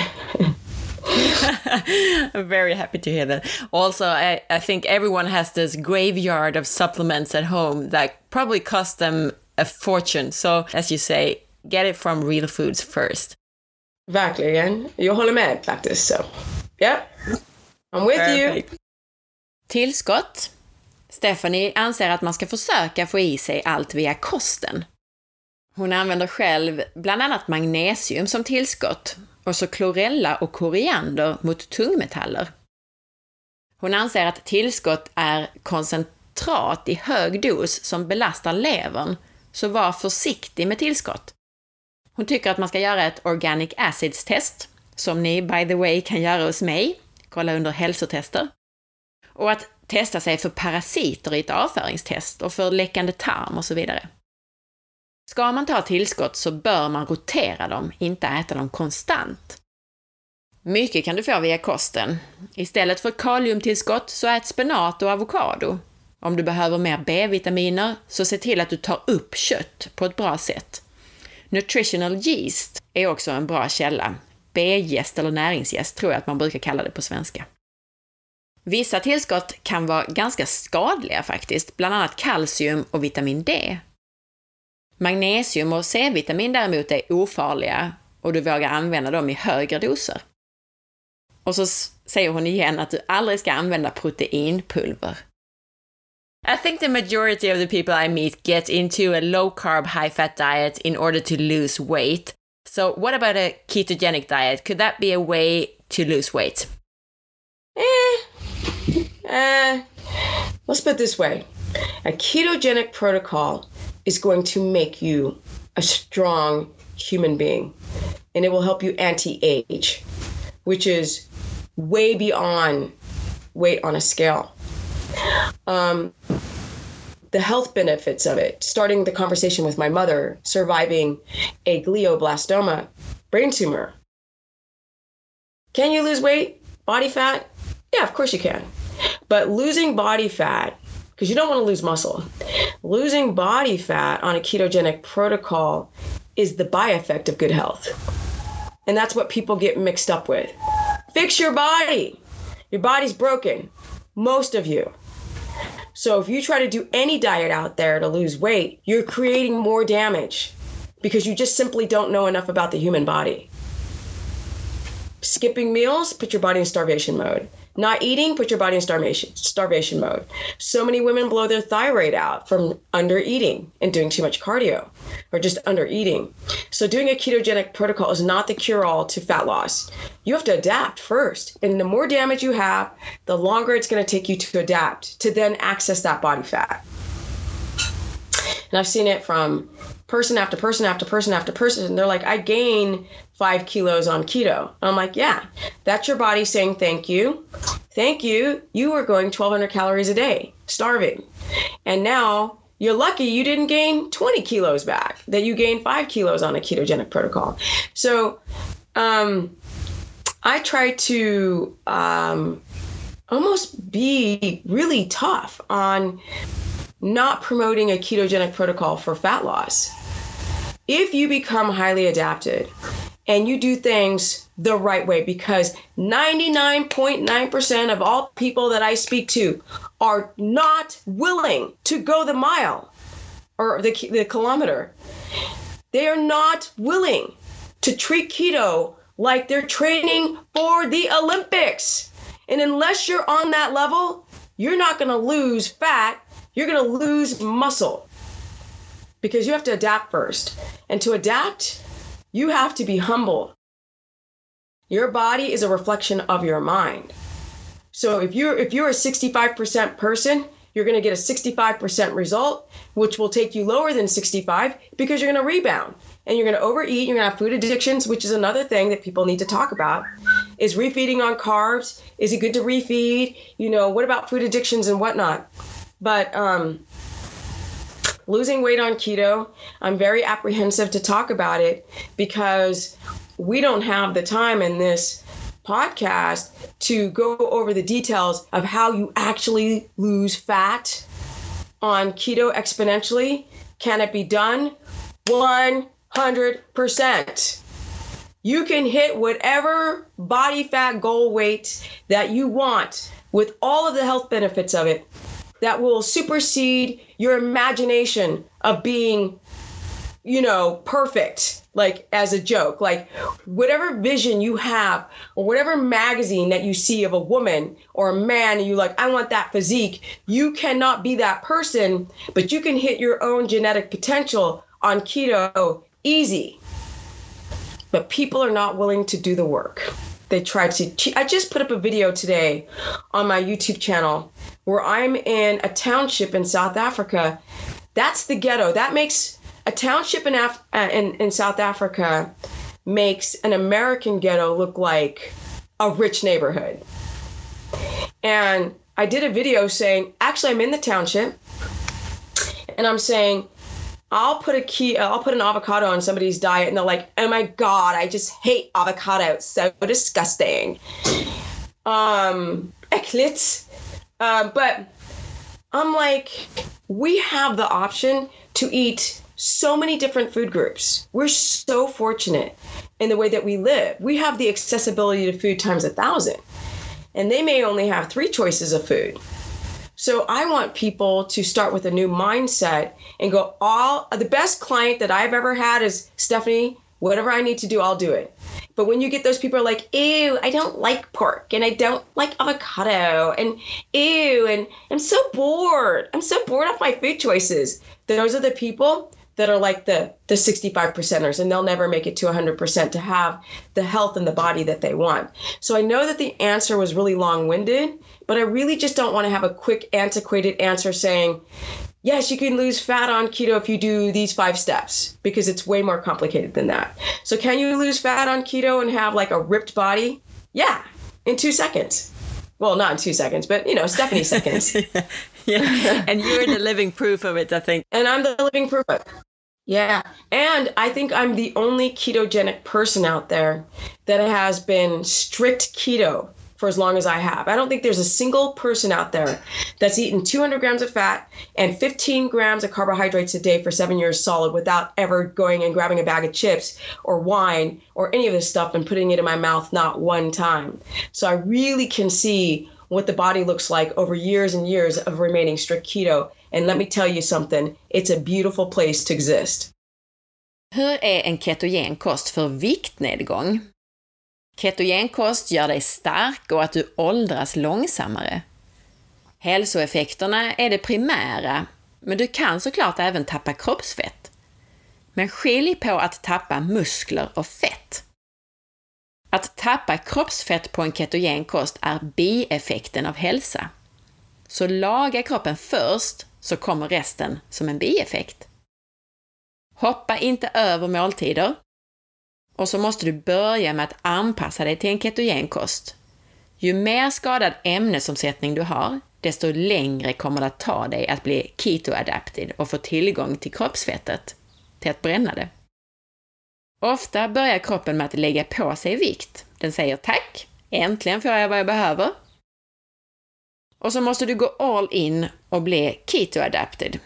Om du inte gör det här fullt ut så kommer du förlora muskler istället för fett. Men visst, du kan tappa massor med fett på en ketogen kost. Hon säger att de som gör det här och tar den ketogena kosten och gör det här fullt ut, de klarar det bra. De som klagar på att maten är tråkig och äcklig, de får inte resultaten. Stephanie är troligen den enda som har ätit strikt ketogen kost i så mycket som sju år utan undantag. Så hon kan verkligen se vad som händer med kroppen. Och hon säger att det är ett bra ställe att vara på. Liselott, another listener, she asks how i mean you sort of mentioned about getting keto adapted but generally how long does it take to get into ketosis? Unfortunately there is no general and that sucks because i'm always asking for advice and i can't stand when people don't give me an answer. But i can tell you what slows you down and speeds you up in your keto adaptation. So um, Steve Phinney and Jeff Volek were saying that after five days or X amount of days of, of, of de- depleting your glycogen, you will produce ketones viable to be used. But what I've learned through my studies is that you can use some viable ketones, but most of them become lost. And the more damaged you are, the longer it takes. So I've noticed people getting into a lower lower level of ketosis at about four weeks, four to six weeks of strict practices if they do not have metabolic damage. And they're not even highly adapted after six weeks. The longer you're on it, the more adapted you become. Um, but that's not very often. I would say that young guys with less metabolic damage, women have more damage because women stress like crazy. That's why a lot of women in Sweden have IBS and gut problems. We stress, free stress, we stress. We have two days in one Whereas men just have one long day. Women have like, they get home from work and they're starting their day all over again. And so those types of women take a longer time to adapt. Those women can take like eight months. So a lot of women, eight months, eight. So if you're like, oh, you know, I want to get really lean before this wedding or this photo shoot, then you got to start prepping like six to eight months before. Then, after six to eight months of like being disciplined, the what you see, what I've witnessed in people's health, excuse me, ooh, I just did a little rup, whatever, um, ropa. But um, when it comes to so when it comes to um, women, if you just be like, if you're just like, I'm not to stress, I'm not on a timeline, then within a year, you're to be just like, oh my God, this is like incredible. Um, some people, this the earliest I see is within one to two months, not not weeks. Forget that. Forget it. I don't even care if you're using a glucometer and the glucometer says you're in ketosis you're still not using a lot of ketones. And so that, that happens over time because people's numbers will change. The blood values always change. One week you're in ketosis, the next week you're not. And I get those emails all the time like, oh my God, oh my God, I'm not in ketosis anymore. What happened? I've done everything the same. And I said, the body's never the same. We're always in flux. And every thought and everything that you do in a day is different than what you did yesterday, even though it looks very, very linear and very much the same. So I'd say two, two months I would say one one and a half month, two six weeks to one year. I think that's a really good answer to you. I mean, everyone is so biochemically different, so I think that's great mm. that you say that. Definitivt. Det tar olika lång tid att komma in i ketos. Även om du börjar producera ketoner väldigt snabbt så kan inte din kropp använda dem direkt. Och ju mer förstörd du är, desto längre tid tar det. Om man är superstrikt och inte har förstörd ämnesomsättning så kan det ta sex veckor. Men det kan också ta åtta månader. Och desto längre du är på en ketogen kost, desto mer anpassad blir du. Det går ofta snabbare för unga män. Kvinnor är ofta mer förstörda av stress. Ge det ett år och stressa inte. She also wonders what happens if you take a cheat day. You pop out of ketosis, you create food addictions, you have a surge of insulin and glucose in the bloodstream. Mm. You gain a bunch of water, you feel like crap, you crash. Do you have to start all over again? Yes. To get keto adapted? Yes. Oh no, it's not going to take you eight months to keto adapt. Of course not. But it can take a week and a half of feeling really crappy, and a lot of people don't last because that first 30 days of trying keto, why would you refeed? Like, eh, why would you go back on? That's what refeeding means is to go back on carbs. If you're going through the holidays and you go back on carbs, you feel so crappy. A lot of people have food addictions, and it's a subject nobody talks about. We have addictions. We have too little serotonin in the brain. Carbohydrates give us that spike. It creates poor impulse control. You start you start with one cheat meal and it spirals out of control. And you're eating and eating and eating, all of a sudden your weight just jumps up. And this is going to be my next video. No one talks about this. When you go low carb and you're not fully adapted, and you introduce that carb back and you get that spike of sugar, the body freaks out, freaks out. Insulin spike, boom. Glucose spike, boom. Leptin, like the brain, the the the, the medulla, everything freaks out you crash. Your adrenals are like, whoa. Then you deplete your glycogen again and you just crash and feel bad for days. Your electrolytes are, cr- no. Take, choose a side. Either do low carb, high fat, glucose dependent, time your meals out, your carbohydrates and the type, or full on keto, but not back and forth. There's no point. You feel like crap when you refeed back onto carbs. Om du tar en fuskdag så kommer du ur ketos, du får cravings och insulinpåslag. Du lägger på dig vatten och du mår dåligt. Du måste börja om på nytt. Och det kommer inte ta åtta månader igen, men det kan ta en och en halv vecka. Matberoenden spelar in här. Kolhydrater får oss att tappa impulskontrollen. En fuskdag ger ringar på vattnet och du kan tappa kontrollen. En fuskdag och du har blodsockertopp, insulintopp, leptinet och hjärnan flippar ur. Sen tar glykogenet slut igen och du kraschar, dina binjurar påverkas. Välj vilken väg du vill gå. Ät LCHF och tajma din mat och dina kolhydrater. Eller gå all in på en ketogen kost. Men inte fram och tillbaka. So you talked also about evolving your way of eating as you get keto adapted, but how do you stay in ketosis? Can you actually stay in ketosis in the long run? Yeah, I'm seven years into it. Yeah, it's, it's awesome. Life can't get better. So I just came back from South Africa, one month. Bam! I stayed full keto the whole trip. Last year, Asia, people said it couldn't be done because there's so much sugar and everything.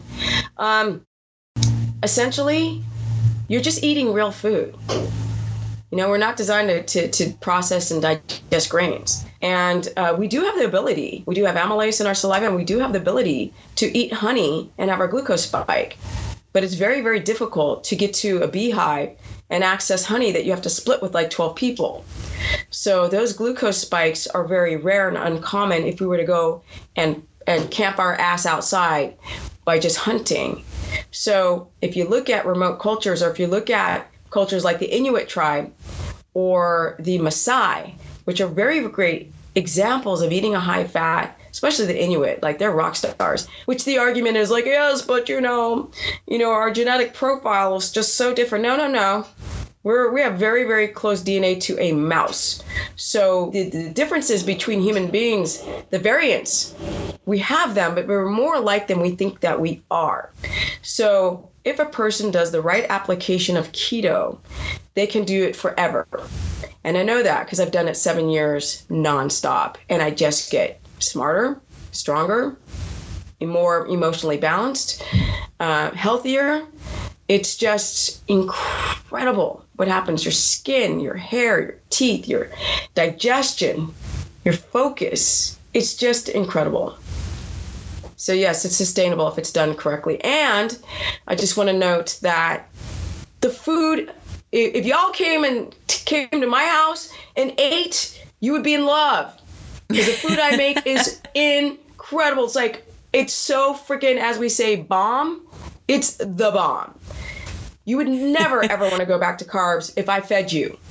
So people don't know how to cook the food. They don't know how to spice the food. You know what I mean? They keep the relying on cheese to to to bring flavor to their palate. So I ate at some low carb, high fat, place in South Africa in Cape Town. And I was like, t- talking to the owner, I was like, dude, you are drowning your food in all the sauce.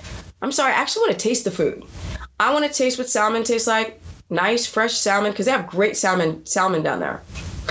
Um, I want to taste the food. I don't want all this sauce and shit. Excuse, oh, sorry, um, stuff.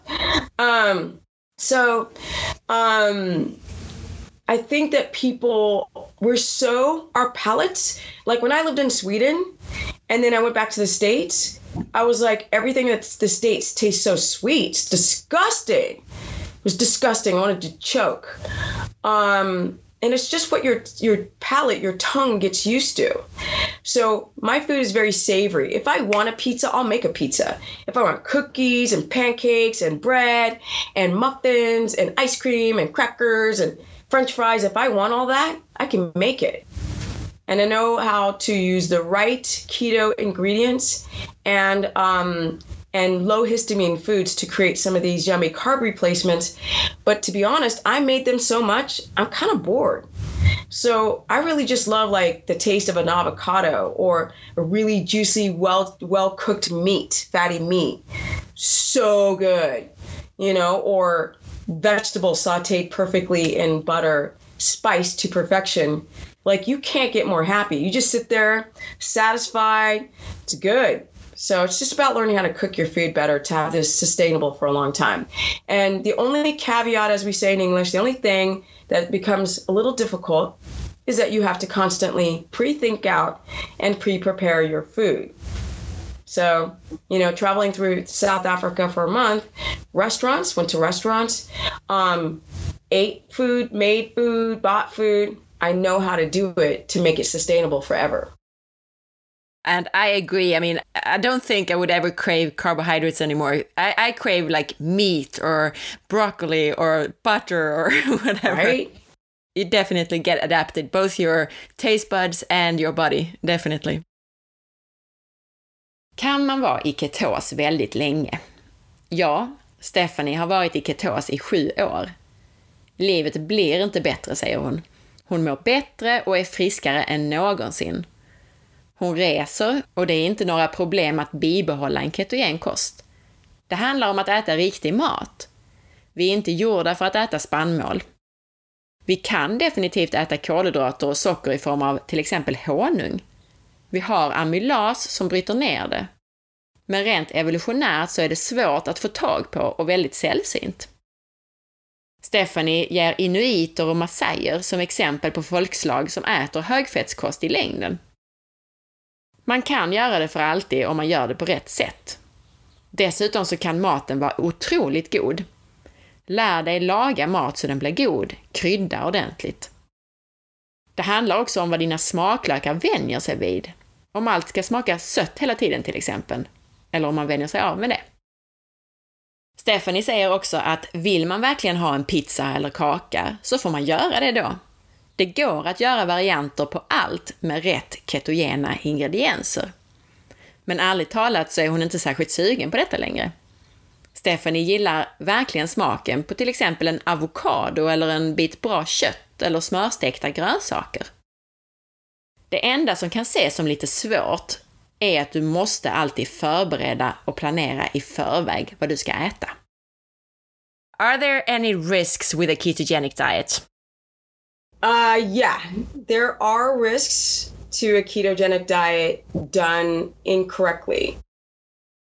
So that's the um, uh, the, the the one caveat that if I feel that people are not disciplined in their ketogenic um, protocol, if they if they um, if they're not willing to make the necessary adjustments, then I would suggest to not do a ketogenic protocol. Like I wouldn't do the ketogenic diet. So the first thing I would want people to do is just to find out how metabolically damaged they are by either um, answering the big questions. I'm putting up uh, a Q&A on my website for people to just go and say, uh, to to figure out if they've got like what category do they fit in to try a ketogenic protocol like Do you have thyroid? Do you have adrenal? Are you ha- hypoglycemic?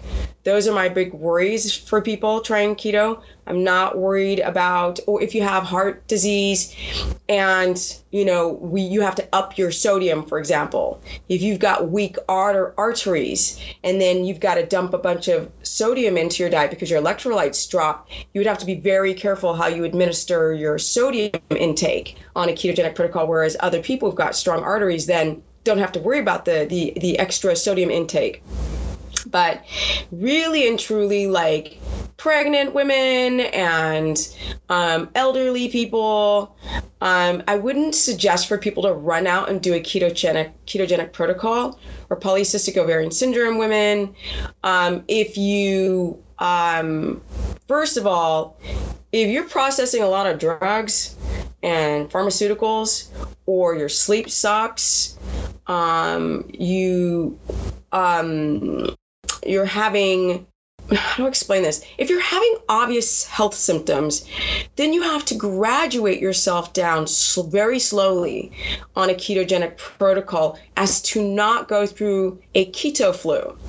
So a lot of people will experience, let's say, heart palpitations because their potassium is too low, because they, their water volume has dropped too quickly.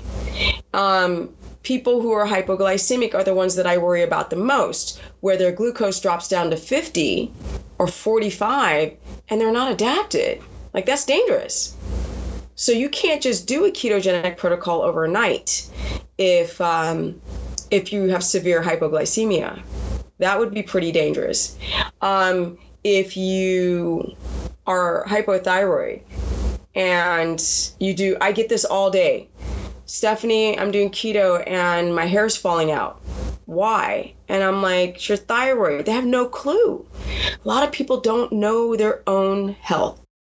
They don't even know where they are. They're so used to being bloated and loose stool and constipation and cold and hair loss. And men, their testosterone's dropping and you're moody. Women are PMSing. And then they go and do a ketogenic protocol to lose weight.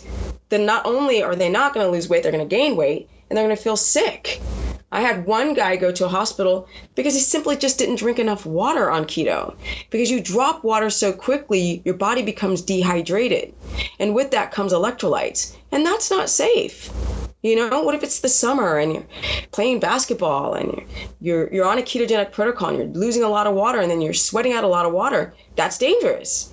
So there are certain reasons why keto can be not safe for people who aren't who are not paying attention. So once you do all the checks and balances, you find out if you've got low blood pressure, hypoglycemia, or thyroid, and you know, or you have one of these health issues, and um, you want to use keto to lose weight or you want to use keto to have a child, you've got to find out the state of your health before you administer a ketogenic protocol because there's too long of a period where your body's not using ketones. And the longer you don't use ketones, the more it can make you sick, essentially. Does that make sense? Definitely. I think with okay. all the explaining you did earlier as well, so I think that's that's a good explanation.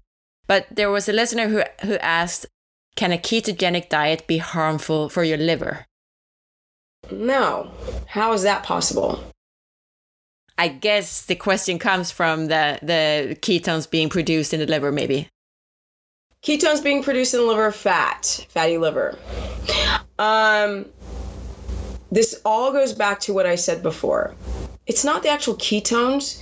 If you have liver disease, if your enzymes are off, if your liver's fatty, I would work on that first. Because it's a stress to the body. It's very cortisol driven to not be adapted and to be producing high ketones and glucose. So, being highly keto adapted means that you have to get the body in balance before your body will be go into nutritional ketosis. So, nu- nutritional ketosis, no, it's not damaging to the liver at all. Now, I'm not a doctor and I'm not on a 20 year study, but from what I've witnessed, I have not seen that as of yet. With working with thousands of people, especially with all the people on the internet that just contact me. But if you've got health issues, I don't care if it's fatty liver, kidney disease, thyroid, whatever it is, if you do keto not in a smart way and you still have allergenic foods that are going to mess with your liver enzymes you're refeeding on alcohol um, you're eating cheese that's high in casein and then you're dropping your carbs it's all of that doing it the wrong way that can affect your liver enzymes not not ketosis itself no Finns det risker med en ketogen kost? Ja, om man inte gör det på rätt sätt, säger Stephanie. Om man inte är redo att göra det fullt ut så ska man inte göra det. Först och främst så är det bra att ha koll på hur metabolt skadad man är. Alltså om man har sköldkörtelbesvär, binjurebesvär eller lågt blodsocker till exempel. Eller om man har hjärt och kärlproblem, så kan man vara lite försiktigare. Särskilt när det gäller hur man administrerar sitt saltintag då. Gravida och äldre kan också vara försiktiga, eller om du medicinerar med mycket läkemedel, eller om du sover dåligt. Generellt, om man har hälsobesvär så bör man ta det gradvis för att inte få det som kallas för keto flu. Man kan då, om man får det, kan man till exempel få hjärtklappning av att salthalten blir för låg i kroppen. En viktig sak är att dricka tillräckligt med vatten. För när du gör en kostomläggning till en ketogen kost så tappar du vatten. Problemet är själva sträckan, alltså den tid det tar tills du verkligen har anpassat dig till en ketogenkost. Det är den som är jobbig för kroppen och det är den som tar längre tid ju mer hälsoproblem du har. En lyssnare undrade om ketogenkost kan vara farligt för levern. Och nej, inte ketos i sig, men däremot så kan du ha andra hälsobesvär som belastar levern, eller mat du äter som du egentligen inte tål till exempel. Are there any other common misconceptions regarding a ketogenic diet? Well, it's sort of like what I said before. People think that they can do it and get into ketosis in like two weeks.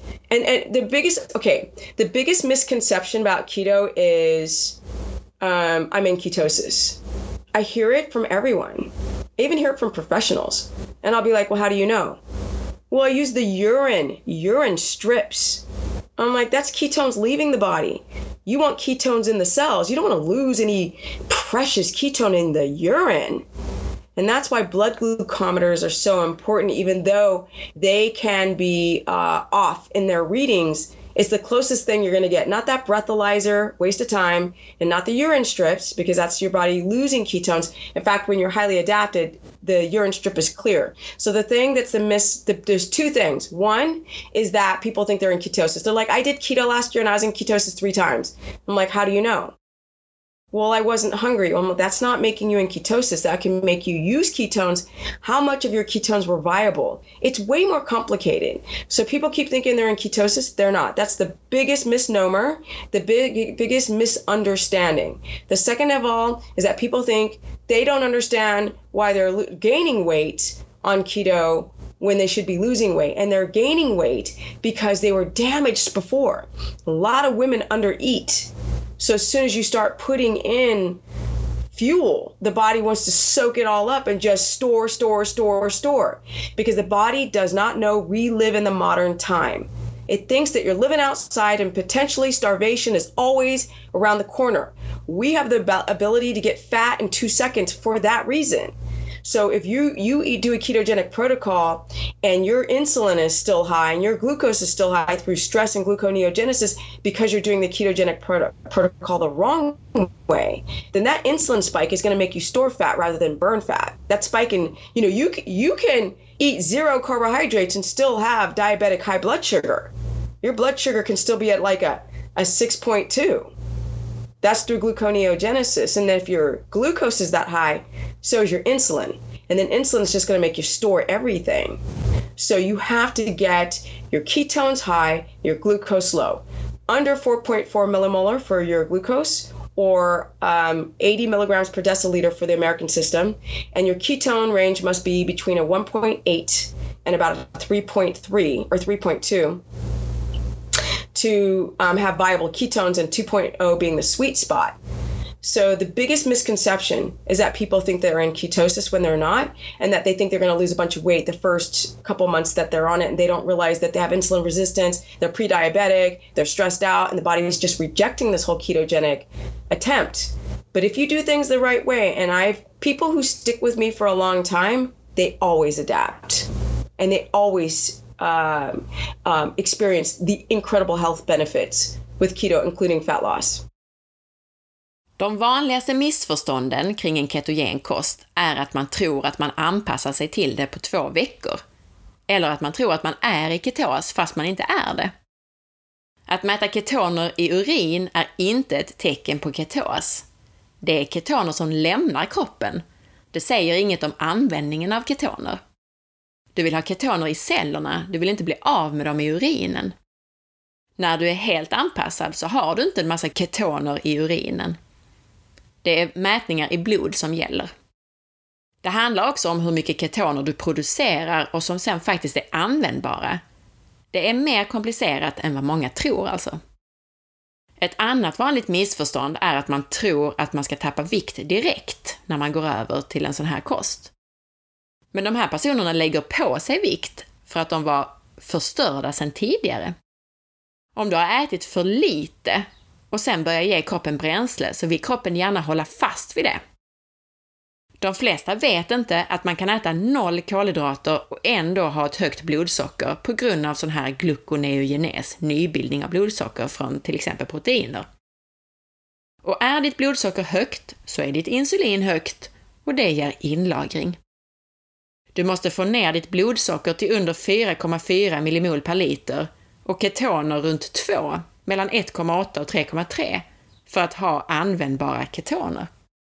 With these common mistakes that you've told us that people commonly make when trying to get, get into ketosis, do you think the listeners could try it at home, so to speak? I mean, could they try it on their own or do they need to have some help to get into ketosis?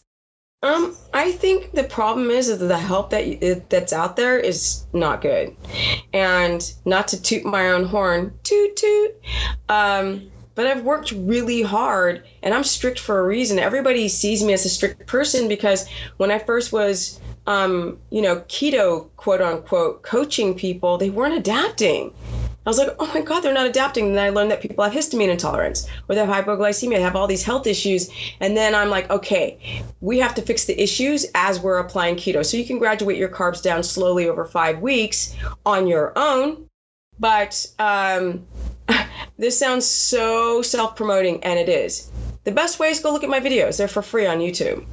I have over a thousand videos. And yes, the first ones are kind of silly because I really didn't have a lot of the detail in the beginning, I was just very excited about talking about the benefits of this. But the latter, the later videos, really go more in depth in explaining how you do this the right way. So a lot of people email me like, "Can you help me get into ketosis?" I'm like, "Just watch my videos, and if you're patient enough, you'll see that a lot of those answers are there." Okay, you have adrenal fatigue. What do you do to fix that? Okay, you have insulin resistance. What do you do to fix that? Okay, you have um, chronic fatigue. You've got fibroids. You have headaches, you have leaky gut and bloated and digestion, poor digestion. You've got candida, your skin's all jacked. Like you have to learn how those problems came about came about. You have to go down the rabbit's hole and find out how you acquired those issues to start off with and you start to repair those things. So if you have a candida issue, that's going to kind of slow down your keto adaptation. So we want to start like getting out those processed carbohydrates. So you can go from processed carbohydrates to like um, more uh, vegetable carbohydrates that are higher in carb and slowly graduate yourself back down, um, and then deal with the candida at the same time. So, can you do it on your own? Of course you can. But people do it the wrong way because they're too much in a hurry to lose weight. So, um, and the professionals out there will put your macros in the wrong amounts because they just simply haven't worked with enough people to even think about people with histamine intolerance and eczema. If you have eczema, you got to look at every single keto food that you eat because if your body gets stressed eating particular foods, that's going to raise your blood sugar and you will not adapt. And that's the problem I had with a lot of people in the beginning is like, man, they're doing everything perfectly. Why aren't they adapting? And then we find out they have all these food sensitivities then once you get rid, rid of the food, they pop right into ketosis. So it's just it's really about learning about the body and learning about your body and don't don't look at the before and after crap pictures online because they're all lies. They're lies. Nobody tells you the truth. A lot of these people have digestive issues or they have celiac disease and all you're looking at is how thin they are. So my suggestion is be careful what you look at on the internet that seems too easy and learn about the body. And if you really need guidance, just go to my videos because there's a ton of information there. Great. And also, can anyone from Sweden actually work with you in a, any way? Yes, I mean, uh, whatever. Jag älskar alla mina uh, svenska klient, klienter because I've worked with so many Swedes and I feel so fortunate. Yes, um, I do Skype consultations, so um, which I will eventually stop doing them because it's a lot of work, and I want to take what I'm doing to the next level. So my videos are crappy quality, everything is like crappy because I put so much time and energy into people. But for now, I'm still doing them, and it's just to go on my website, and then you can book a consultation and, and do it Skype or WhatsApp or you know uh, what is it, um, FaceTime.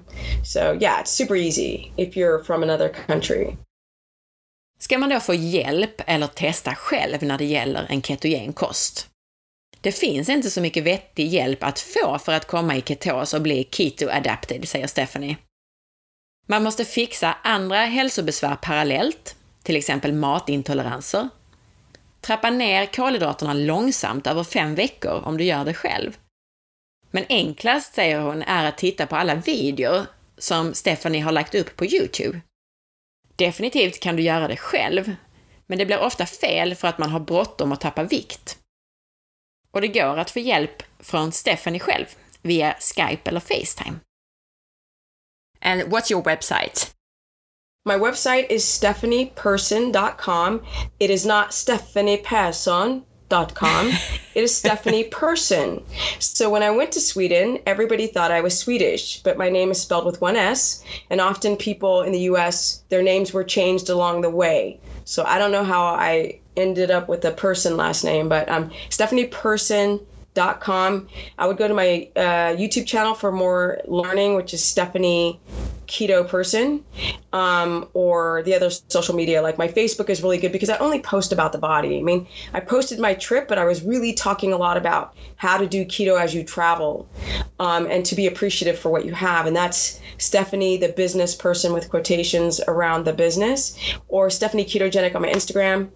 And um, You'll see some uh, videos of me in Sweden last summer, my second home, Sweden. Love Sweden. And um, yeah, that's how you can get a consultation. Great. I heard some rumors about you having an event in Sweden this year. Is that true? yeah. Yes. Um, I've been wanting to go, like, I'm kind of like the lone soldier on my own. So I'm not relying on the low carb community. I'm just taking it next level. So I had um, interviews in South Africa. I met with Tim Noakes, Professor Tim Noakes, who's a part of the Banting community. He's really huge in the low carb, high fat, ketogenic community. And I was able to meet with him. Um, it's maybe too soon to say, but there might be a book deal on on the shelf. Um, so with that book deal, I'll be able to be able to travel to more countries and have more talks. So I had a talk in South Africa. I'm trying to get something going in Sweden. So yes, there is a talk in the works in Sweden and also in Australia. So I'm really, really, really, really excited. Perfect. And let me know when that is in Sweden, uh, and I'll inform all the listeners and, and blog readers in Sweden as well, so they can come and listen to you. Cool. Stephanie hittar du via stephanieperson.com. Du hittar henne via Stephanie Keto Person på Youtube och som Stephanie the Business Person på Facebook och Stephanie Ketogenic på Instagram. Och det kan komma en bok från Stephanie snart och med den så kommer Stephanie att resa mer och synas i fler länder.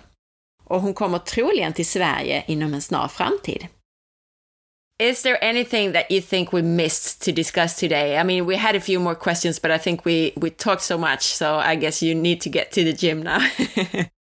um, I think you know maybe just some of the topics would be um, I think we hit a lot of things. There's, of course, there's a lot of things, but I really want people to understand about not intermittent fasting too soon. That could be very, very problematic to um, people who've got adrenal problems. So that's like a subject we didn't really go over. Um, interval training, what kind of workouts? We didn't go over, uh, like, really what are the best workouts for people trying to do a low carb, high fat or ketogenic protocol, um, how to apply keto to the family or to children. Um, and can it be beneficial for keto and how young can they do it? Uh, pregnant women, obviously, and um, how to travel on keto, how to get through the holidays on keto, the subjects of what really happens when you do eat carbs again after not. When we we, we definitely talked about it, but like more in depth is uh, like the, what really happens with inside the body, uh, the importance of sleep because I love to talk about that, like the different levels and how you really make ketones in REM state and how many REM state cycles should you go through in a night. So sleep is a really big thing that I like to talk about in my videos, the importance of it. Weight loss happens, fat loss happens at night and not in the day. And also about calories, the myth about calories. Like, you know, if you eat um, if you ate 500 calories of steak in comparison to 500 calories of cookies, would they be uh, digested and, and, and utilized and burned the same way? So I really think that the calories in, calories out myth is really also an important subject. But besides those things, probably about 500 more. No, I think that's it. there were a few things that, that you said now that we could maybe just very, very briefly, like fasting, for example. Just tell us why you don't think you should start by fasting. Um, a lot of people have this myth that um, that fasting is they'll use this excuse right? They'll say well i'm just trying to um, i'm using my kim kardashian voice. I'm we're just trying to like like clear the liver and the kidneys. And i'm like no you're not fasting to to help your liver and kidneys you're fasting because you want to lose weight so if you have and it kind of goes back pretty much back to the same kind of five concepts. If you have metabolic damage, that means your metabolism runs kind of slow. And the only way you can keep a lot of women do this and even guys like they'll eat less to keep a smaller body size but then they don't have the muscle or the muscle maturity that they're looking for or the tightness in the muscle and so when people fast i'm like okay you're not using ketones so where are you getting your energy from they're like fat? I'm like, no, you're getting it from muscle. So if you're not keto adapted and you have adrenal issues and you skip your breakfast and go all day long, all you're doing is raping your muscle and damaging your adrenals even more. So people will sit and listen to this and go, BS. And I'm like, really? Then why aren't more people in optimum optimal health?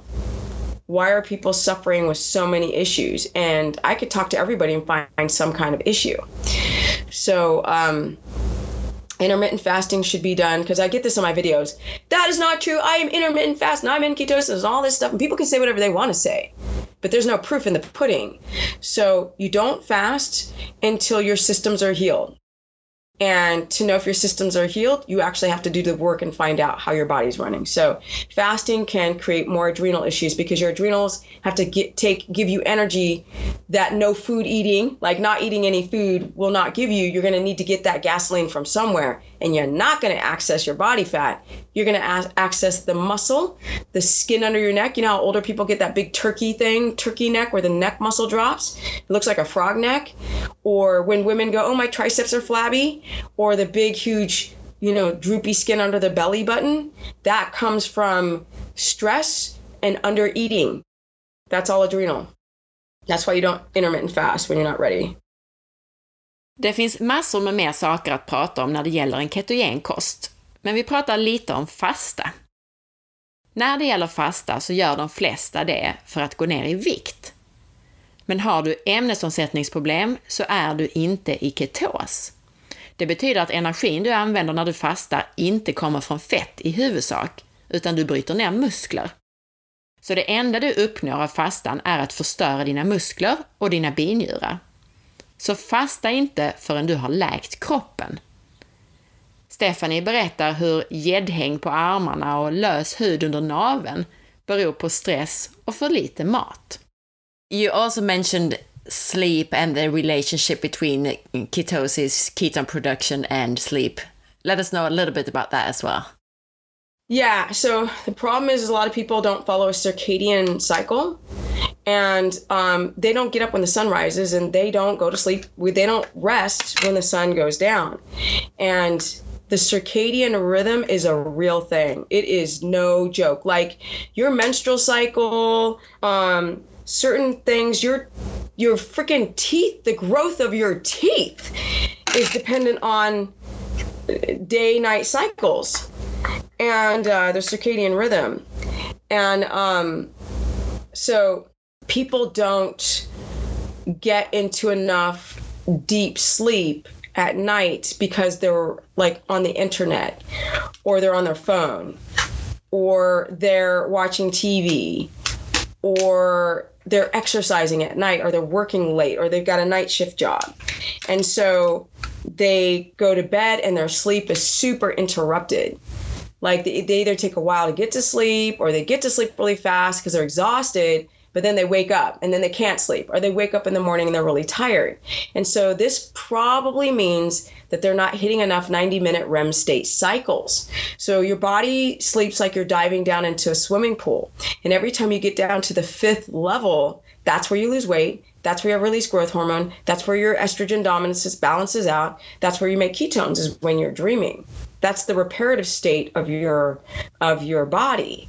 And so a lot of people are so cracked out and so stressed out that their blood sugar is too high or their cortisol is too high, preventing them from getting into that fifth level or that fifth meter. Like if you're d- diving to the swimming pool and you go down to the fifth meter, um, your body's not allowing you to get that deep. Even though people say, like, oh, I go to sleep and I sleep all night and I wake up and I sleep well. And I go, well, how many dreams did you have? And they, they're like, ah, I didn't dream. And I'm like, okay, you're not, you're on the third level of sleep, right? You're knocked out. You've got hormones that'll paralyze you from from acting out dreams. That's the hormone. But you actually don't get into enough dream state. And so because we're so stressed out, our bodies can never relax enough to lower the cortisol and up the melatonin. And melatonin is another thing, supplement people shouldn't take, but that's another subject. But um, uh, it's not getting into enough deep sleep into like you should have like four dreams a night, vivid, vivid dreams, clear.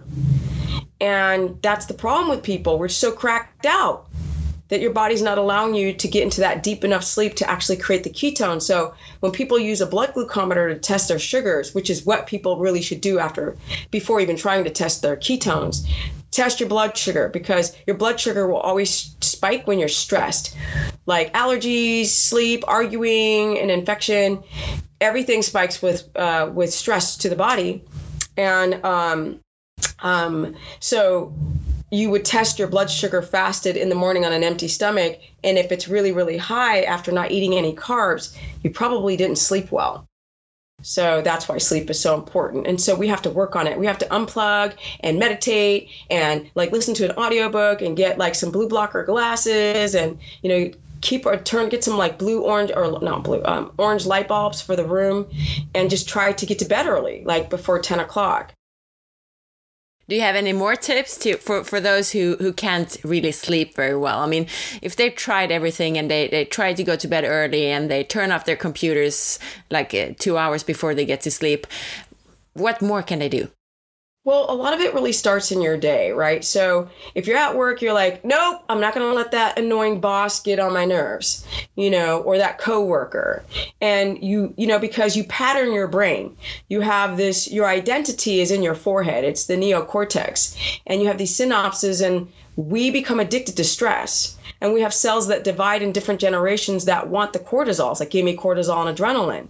And that's not what we want because that's very very catabolic. It rips down your body. And so you actually have to take a conscious effort to walk away from stressful situations that you didn't before because we just don't think like we just do too much. Oh, I'll, I'll, I'll rest later. I've got to get this assignment done for school or I've got to get this work done.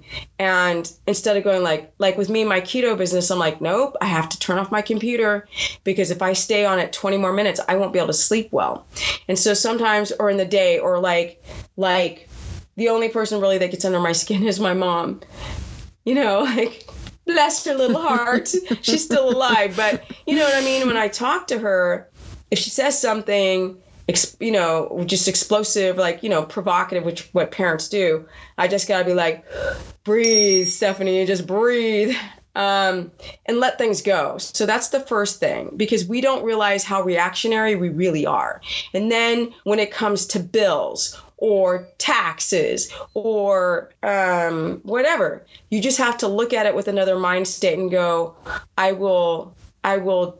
I will digest and deal with this problem later when I'm in a better place and a better emotional state of mind to deal with the pressure of this letter I got or this text that I got. Right now, I'm just going to clear my mind out and keep breathing because we don't breathe anymore. So sometimes it's just handling that day stress. So then when the night comes home, and let's say, or when night comes home, I can't even speak English. When the night comes and you come home, you're like, you have to start excuse me, pre-planning things better. Like maybe pre-prep your meals so you're not cooking at 10 o'clock at night. You know, at klockan 22. Like you don't want to be cooking at 10 o'clock at night. Um, you want to uh, consolidate your time better. So you're not panicking at night to do a bunch of stuff. Cut off the computer give a cutoff time. You know the best way to start losing body fat is if you get into a deep sleep by 10 o'clock at night. And people look at me like i've got three heads on my shoulders. Like are you kidding me? I'm like no. If you slept outside in your backyard and you had no technology, you'd be asleep by 8:30. I mean, not the Swedish summer because that's a whole nother thing. But if you were here where I lived in the U.S., closer to the equator, um, in the summertime, you would be asleep by you know nine o'clock max. So it's about unplugging and breathing and like from the diaphragm from the stomach and uh, turning off technology maybe listen to an audiobook some people who are so cracked out i'm like stand with orange lamps and your take magnesium. Like depending on you know magnesium can give you loose stool. So go as high as you can before loose stool happens. But say like four to 500 milligrams of magnesium or maybe some chamomile and like an hour and a half before bed and then start breathing or meditating shut off your computer and television or put on an audiobook and stand as you breathe stand because standing at the end of the night, all you think about is wanting to lie down. When you lie down, when you start watching TV in bed, you're so cracked out, all your muscles are tense, your nervous system is still overfiring. But if you're standing and you're breathing very deeply, the body just wants to melt into the bed. So that's one thing. And if you find yourself waking up in the middle of the night, bed is for sleeping, Awake is for sitting up on a sofa. Get out of your bed, sit upwards, and breathe because that will calm that nervous system down. So when you go back to bed, you'll fall asleep a lot faster rather than fighting the sleep or instead of fighting the inability to sleep. Like, I can't sleep, I can't sleep, and I'm just, you're tossing and turning in your bed. Don't do that. Get out of bed. So, bed is for sleeping, being awake and reading books is for sitting on the sofa, and you do not bring your Kindle or your book to bed because you're training the subconscious mind to be awake in bed. So, those are some tips. Very good. Thank you so much. um, Sömn. Stephanie beskriver vikten av en naturlig dygnsrytm, att gå och lägga sig i tid och gå upp när solen går upp. Massor med funktioner i kroppen är beroende av dygnsrytmen. Folk får i regel inte tillräckligt med djupsömn för att de hänger med sina teknikprylar på kvällarna eller tränar sent på kvällen. Det gör att de antingen får svårt att somna, eller så vaknar de ofta, eller så vaknar de på morgonen och är inte utsövda. Stephanie pratar om att komma ner i djupsömn i varje sömncykel. Det är där du bränner fett och utsöndrar tillväxthormon.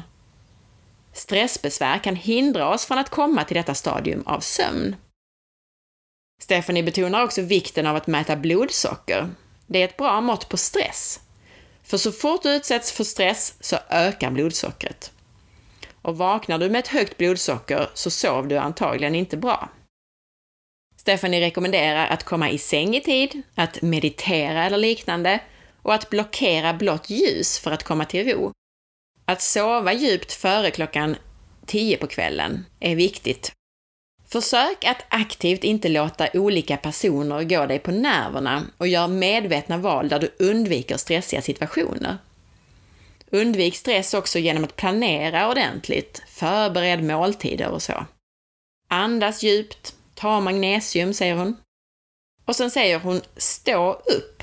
För om du står upp på kvällen så längtar du bara efter att få lägga dig. Stå upp och djupandas. Och om du vaknar på natten så ta dig ur sängen och sätt dig och andas för att lugna nervsystemet. Ha som princip att sängen är för sömn och inget annat. Så gå upp om du vaknar eller inte kan somna. I have to finish off by asking you, what do you do with all the egg white? I put them in, they go down the sink. yeah, okay, thank you. I know eggs are expensive when you buy free range eggs, but they gotta go. Feed them to your dog. Like, okay. they're, they're a super high allergenic food, right? So um, a lot of people develop egg allergies because of leaky gut and also with milk and dairy and they don't even know that they're sensitive to it because people are we're all in denial we don't we listen to our body with the wrong ear like people are like i don't eat i only eat when i'm hungry and i'm like well you better listen to your body with another ear so sometimes like getting rid of the egg whites is best because you might have a sensitivity to it that you're not aware of. And so often I will say, check, test it out, do an egg allergy test. If you're good with the eggs, you can eat the whole egg. If you're not good with the eggs, then throw out the whites. You just crack an egg, separate it, throw the white out, keep the yolk. Perfect.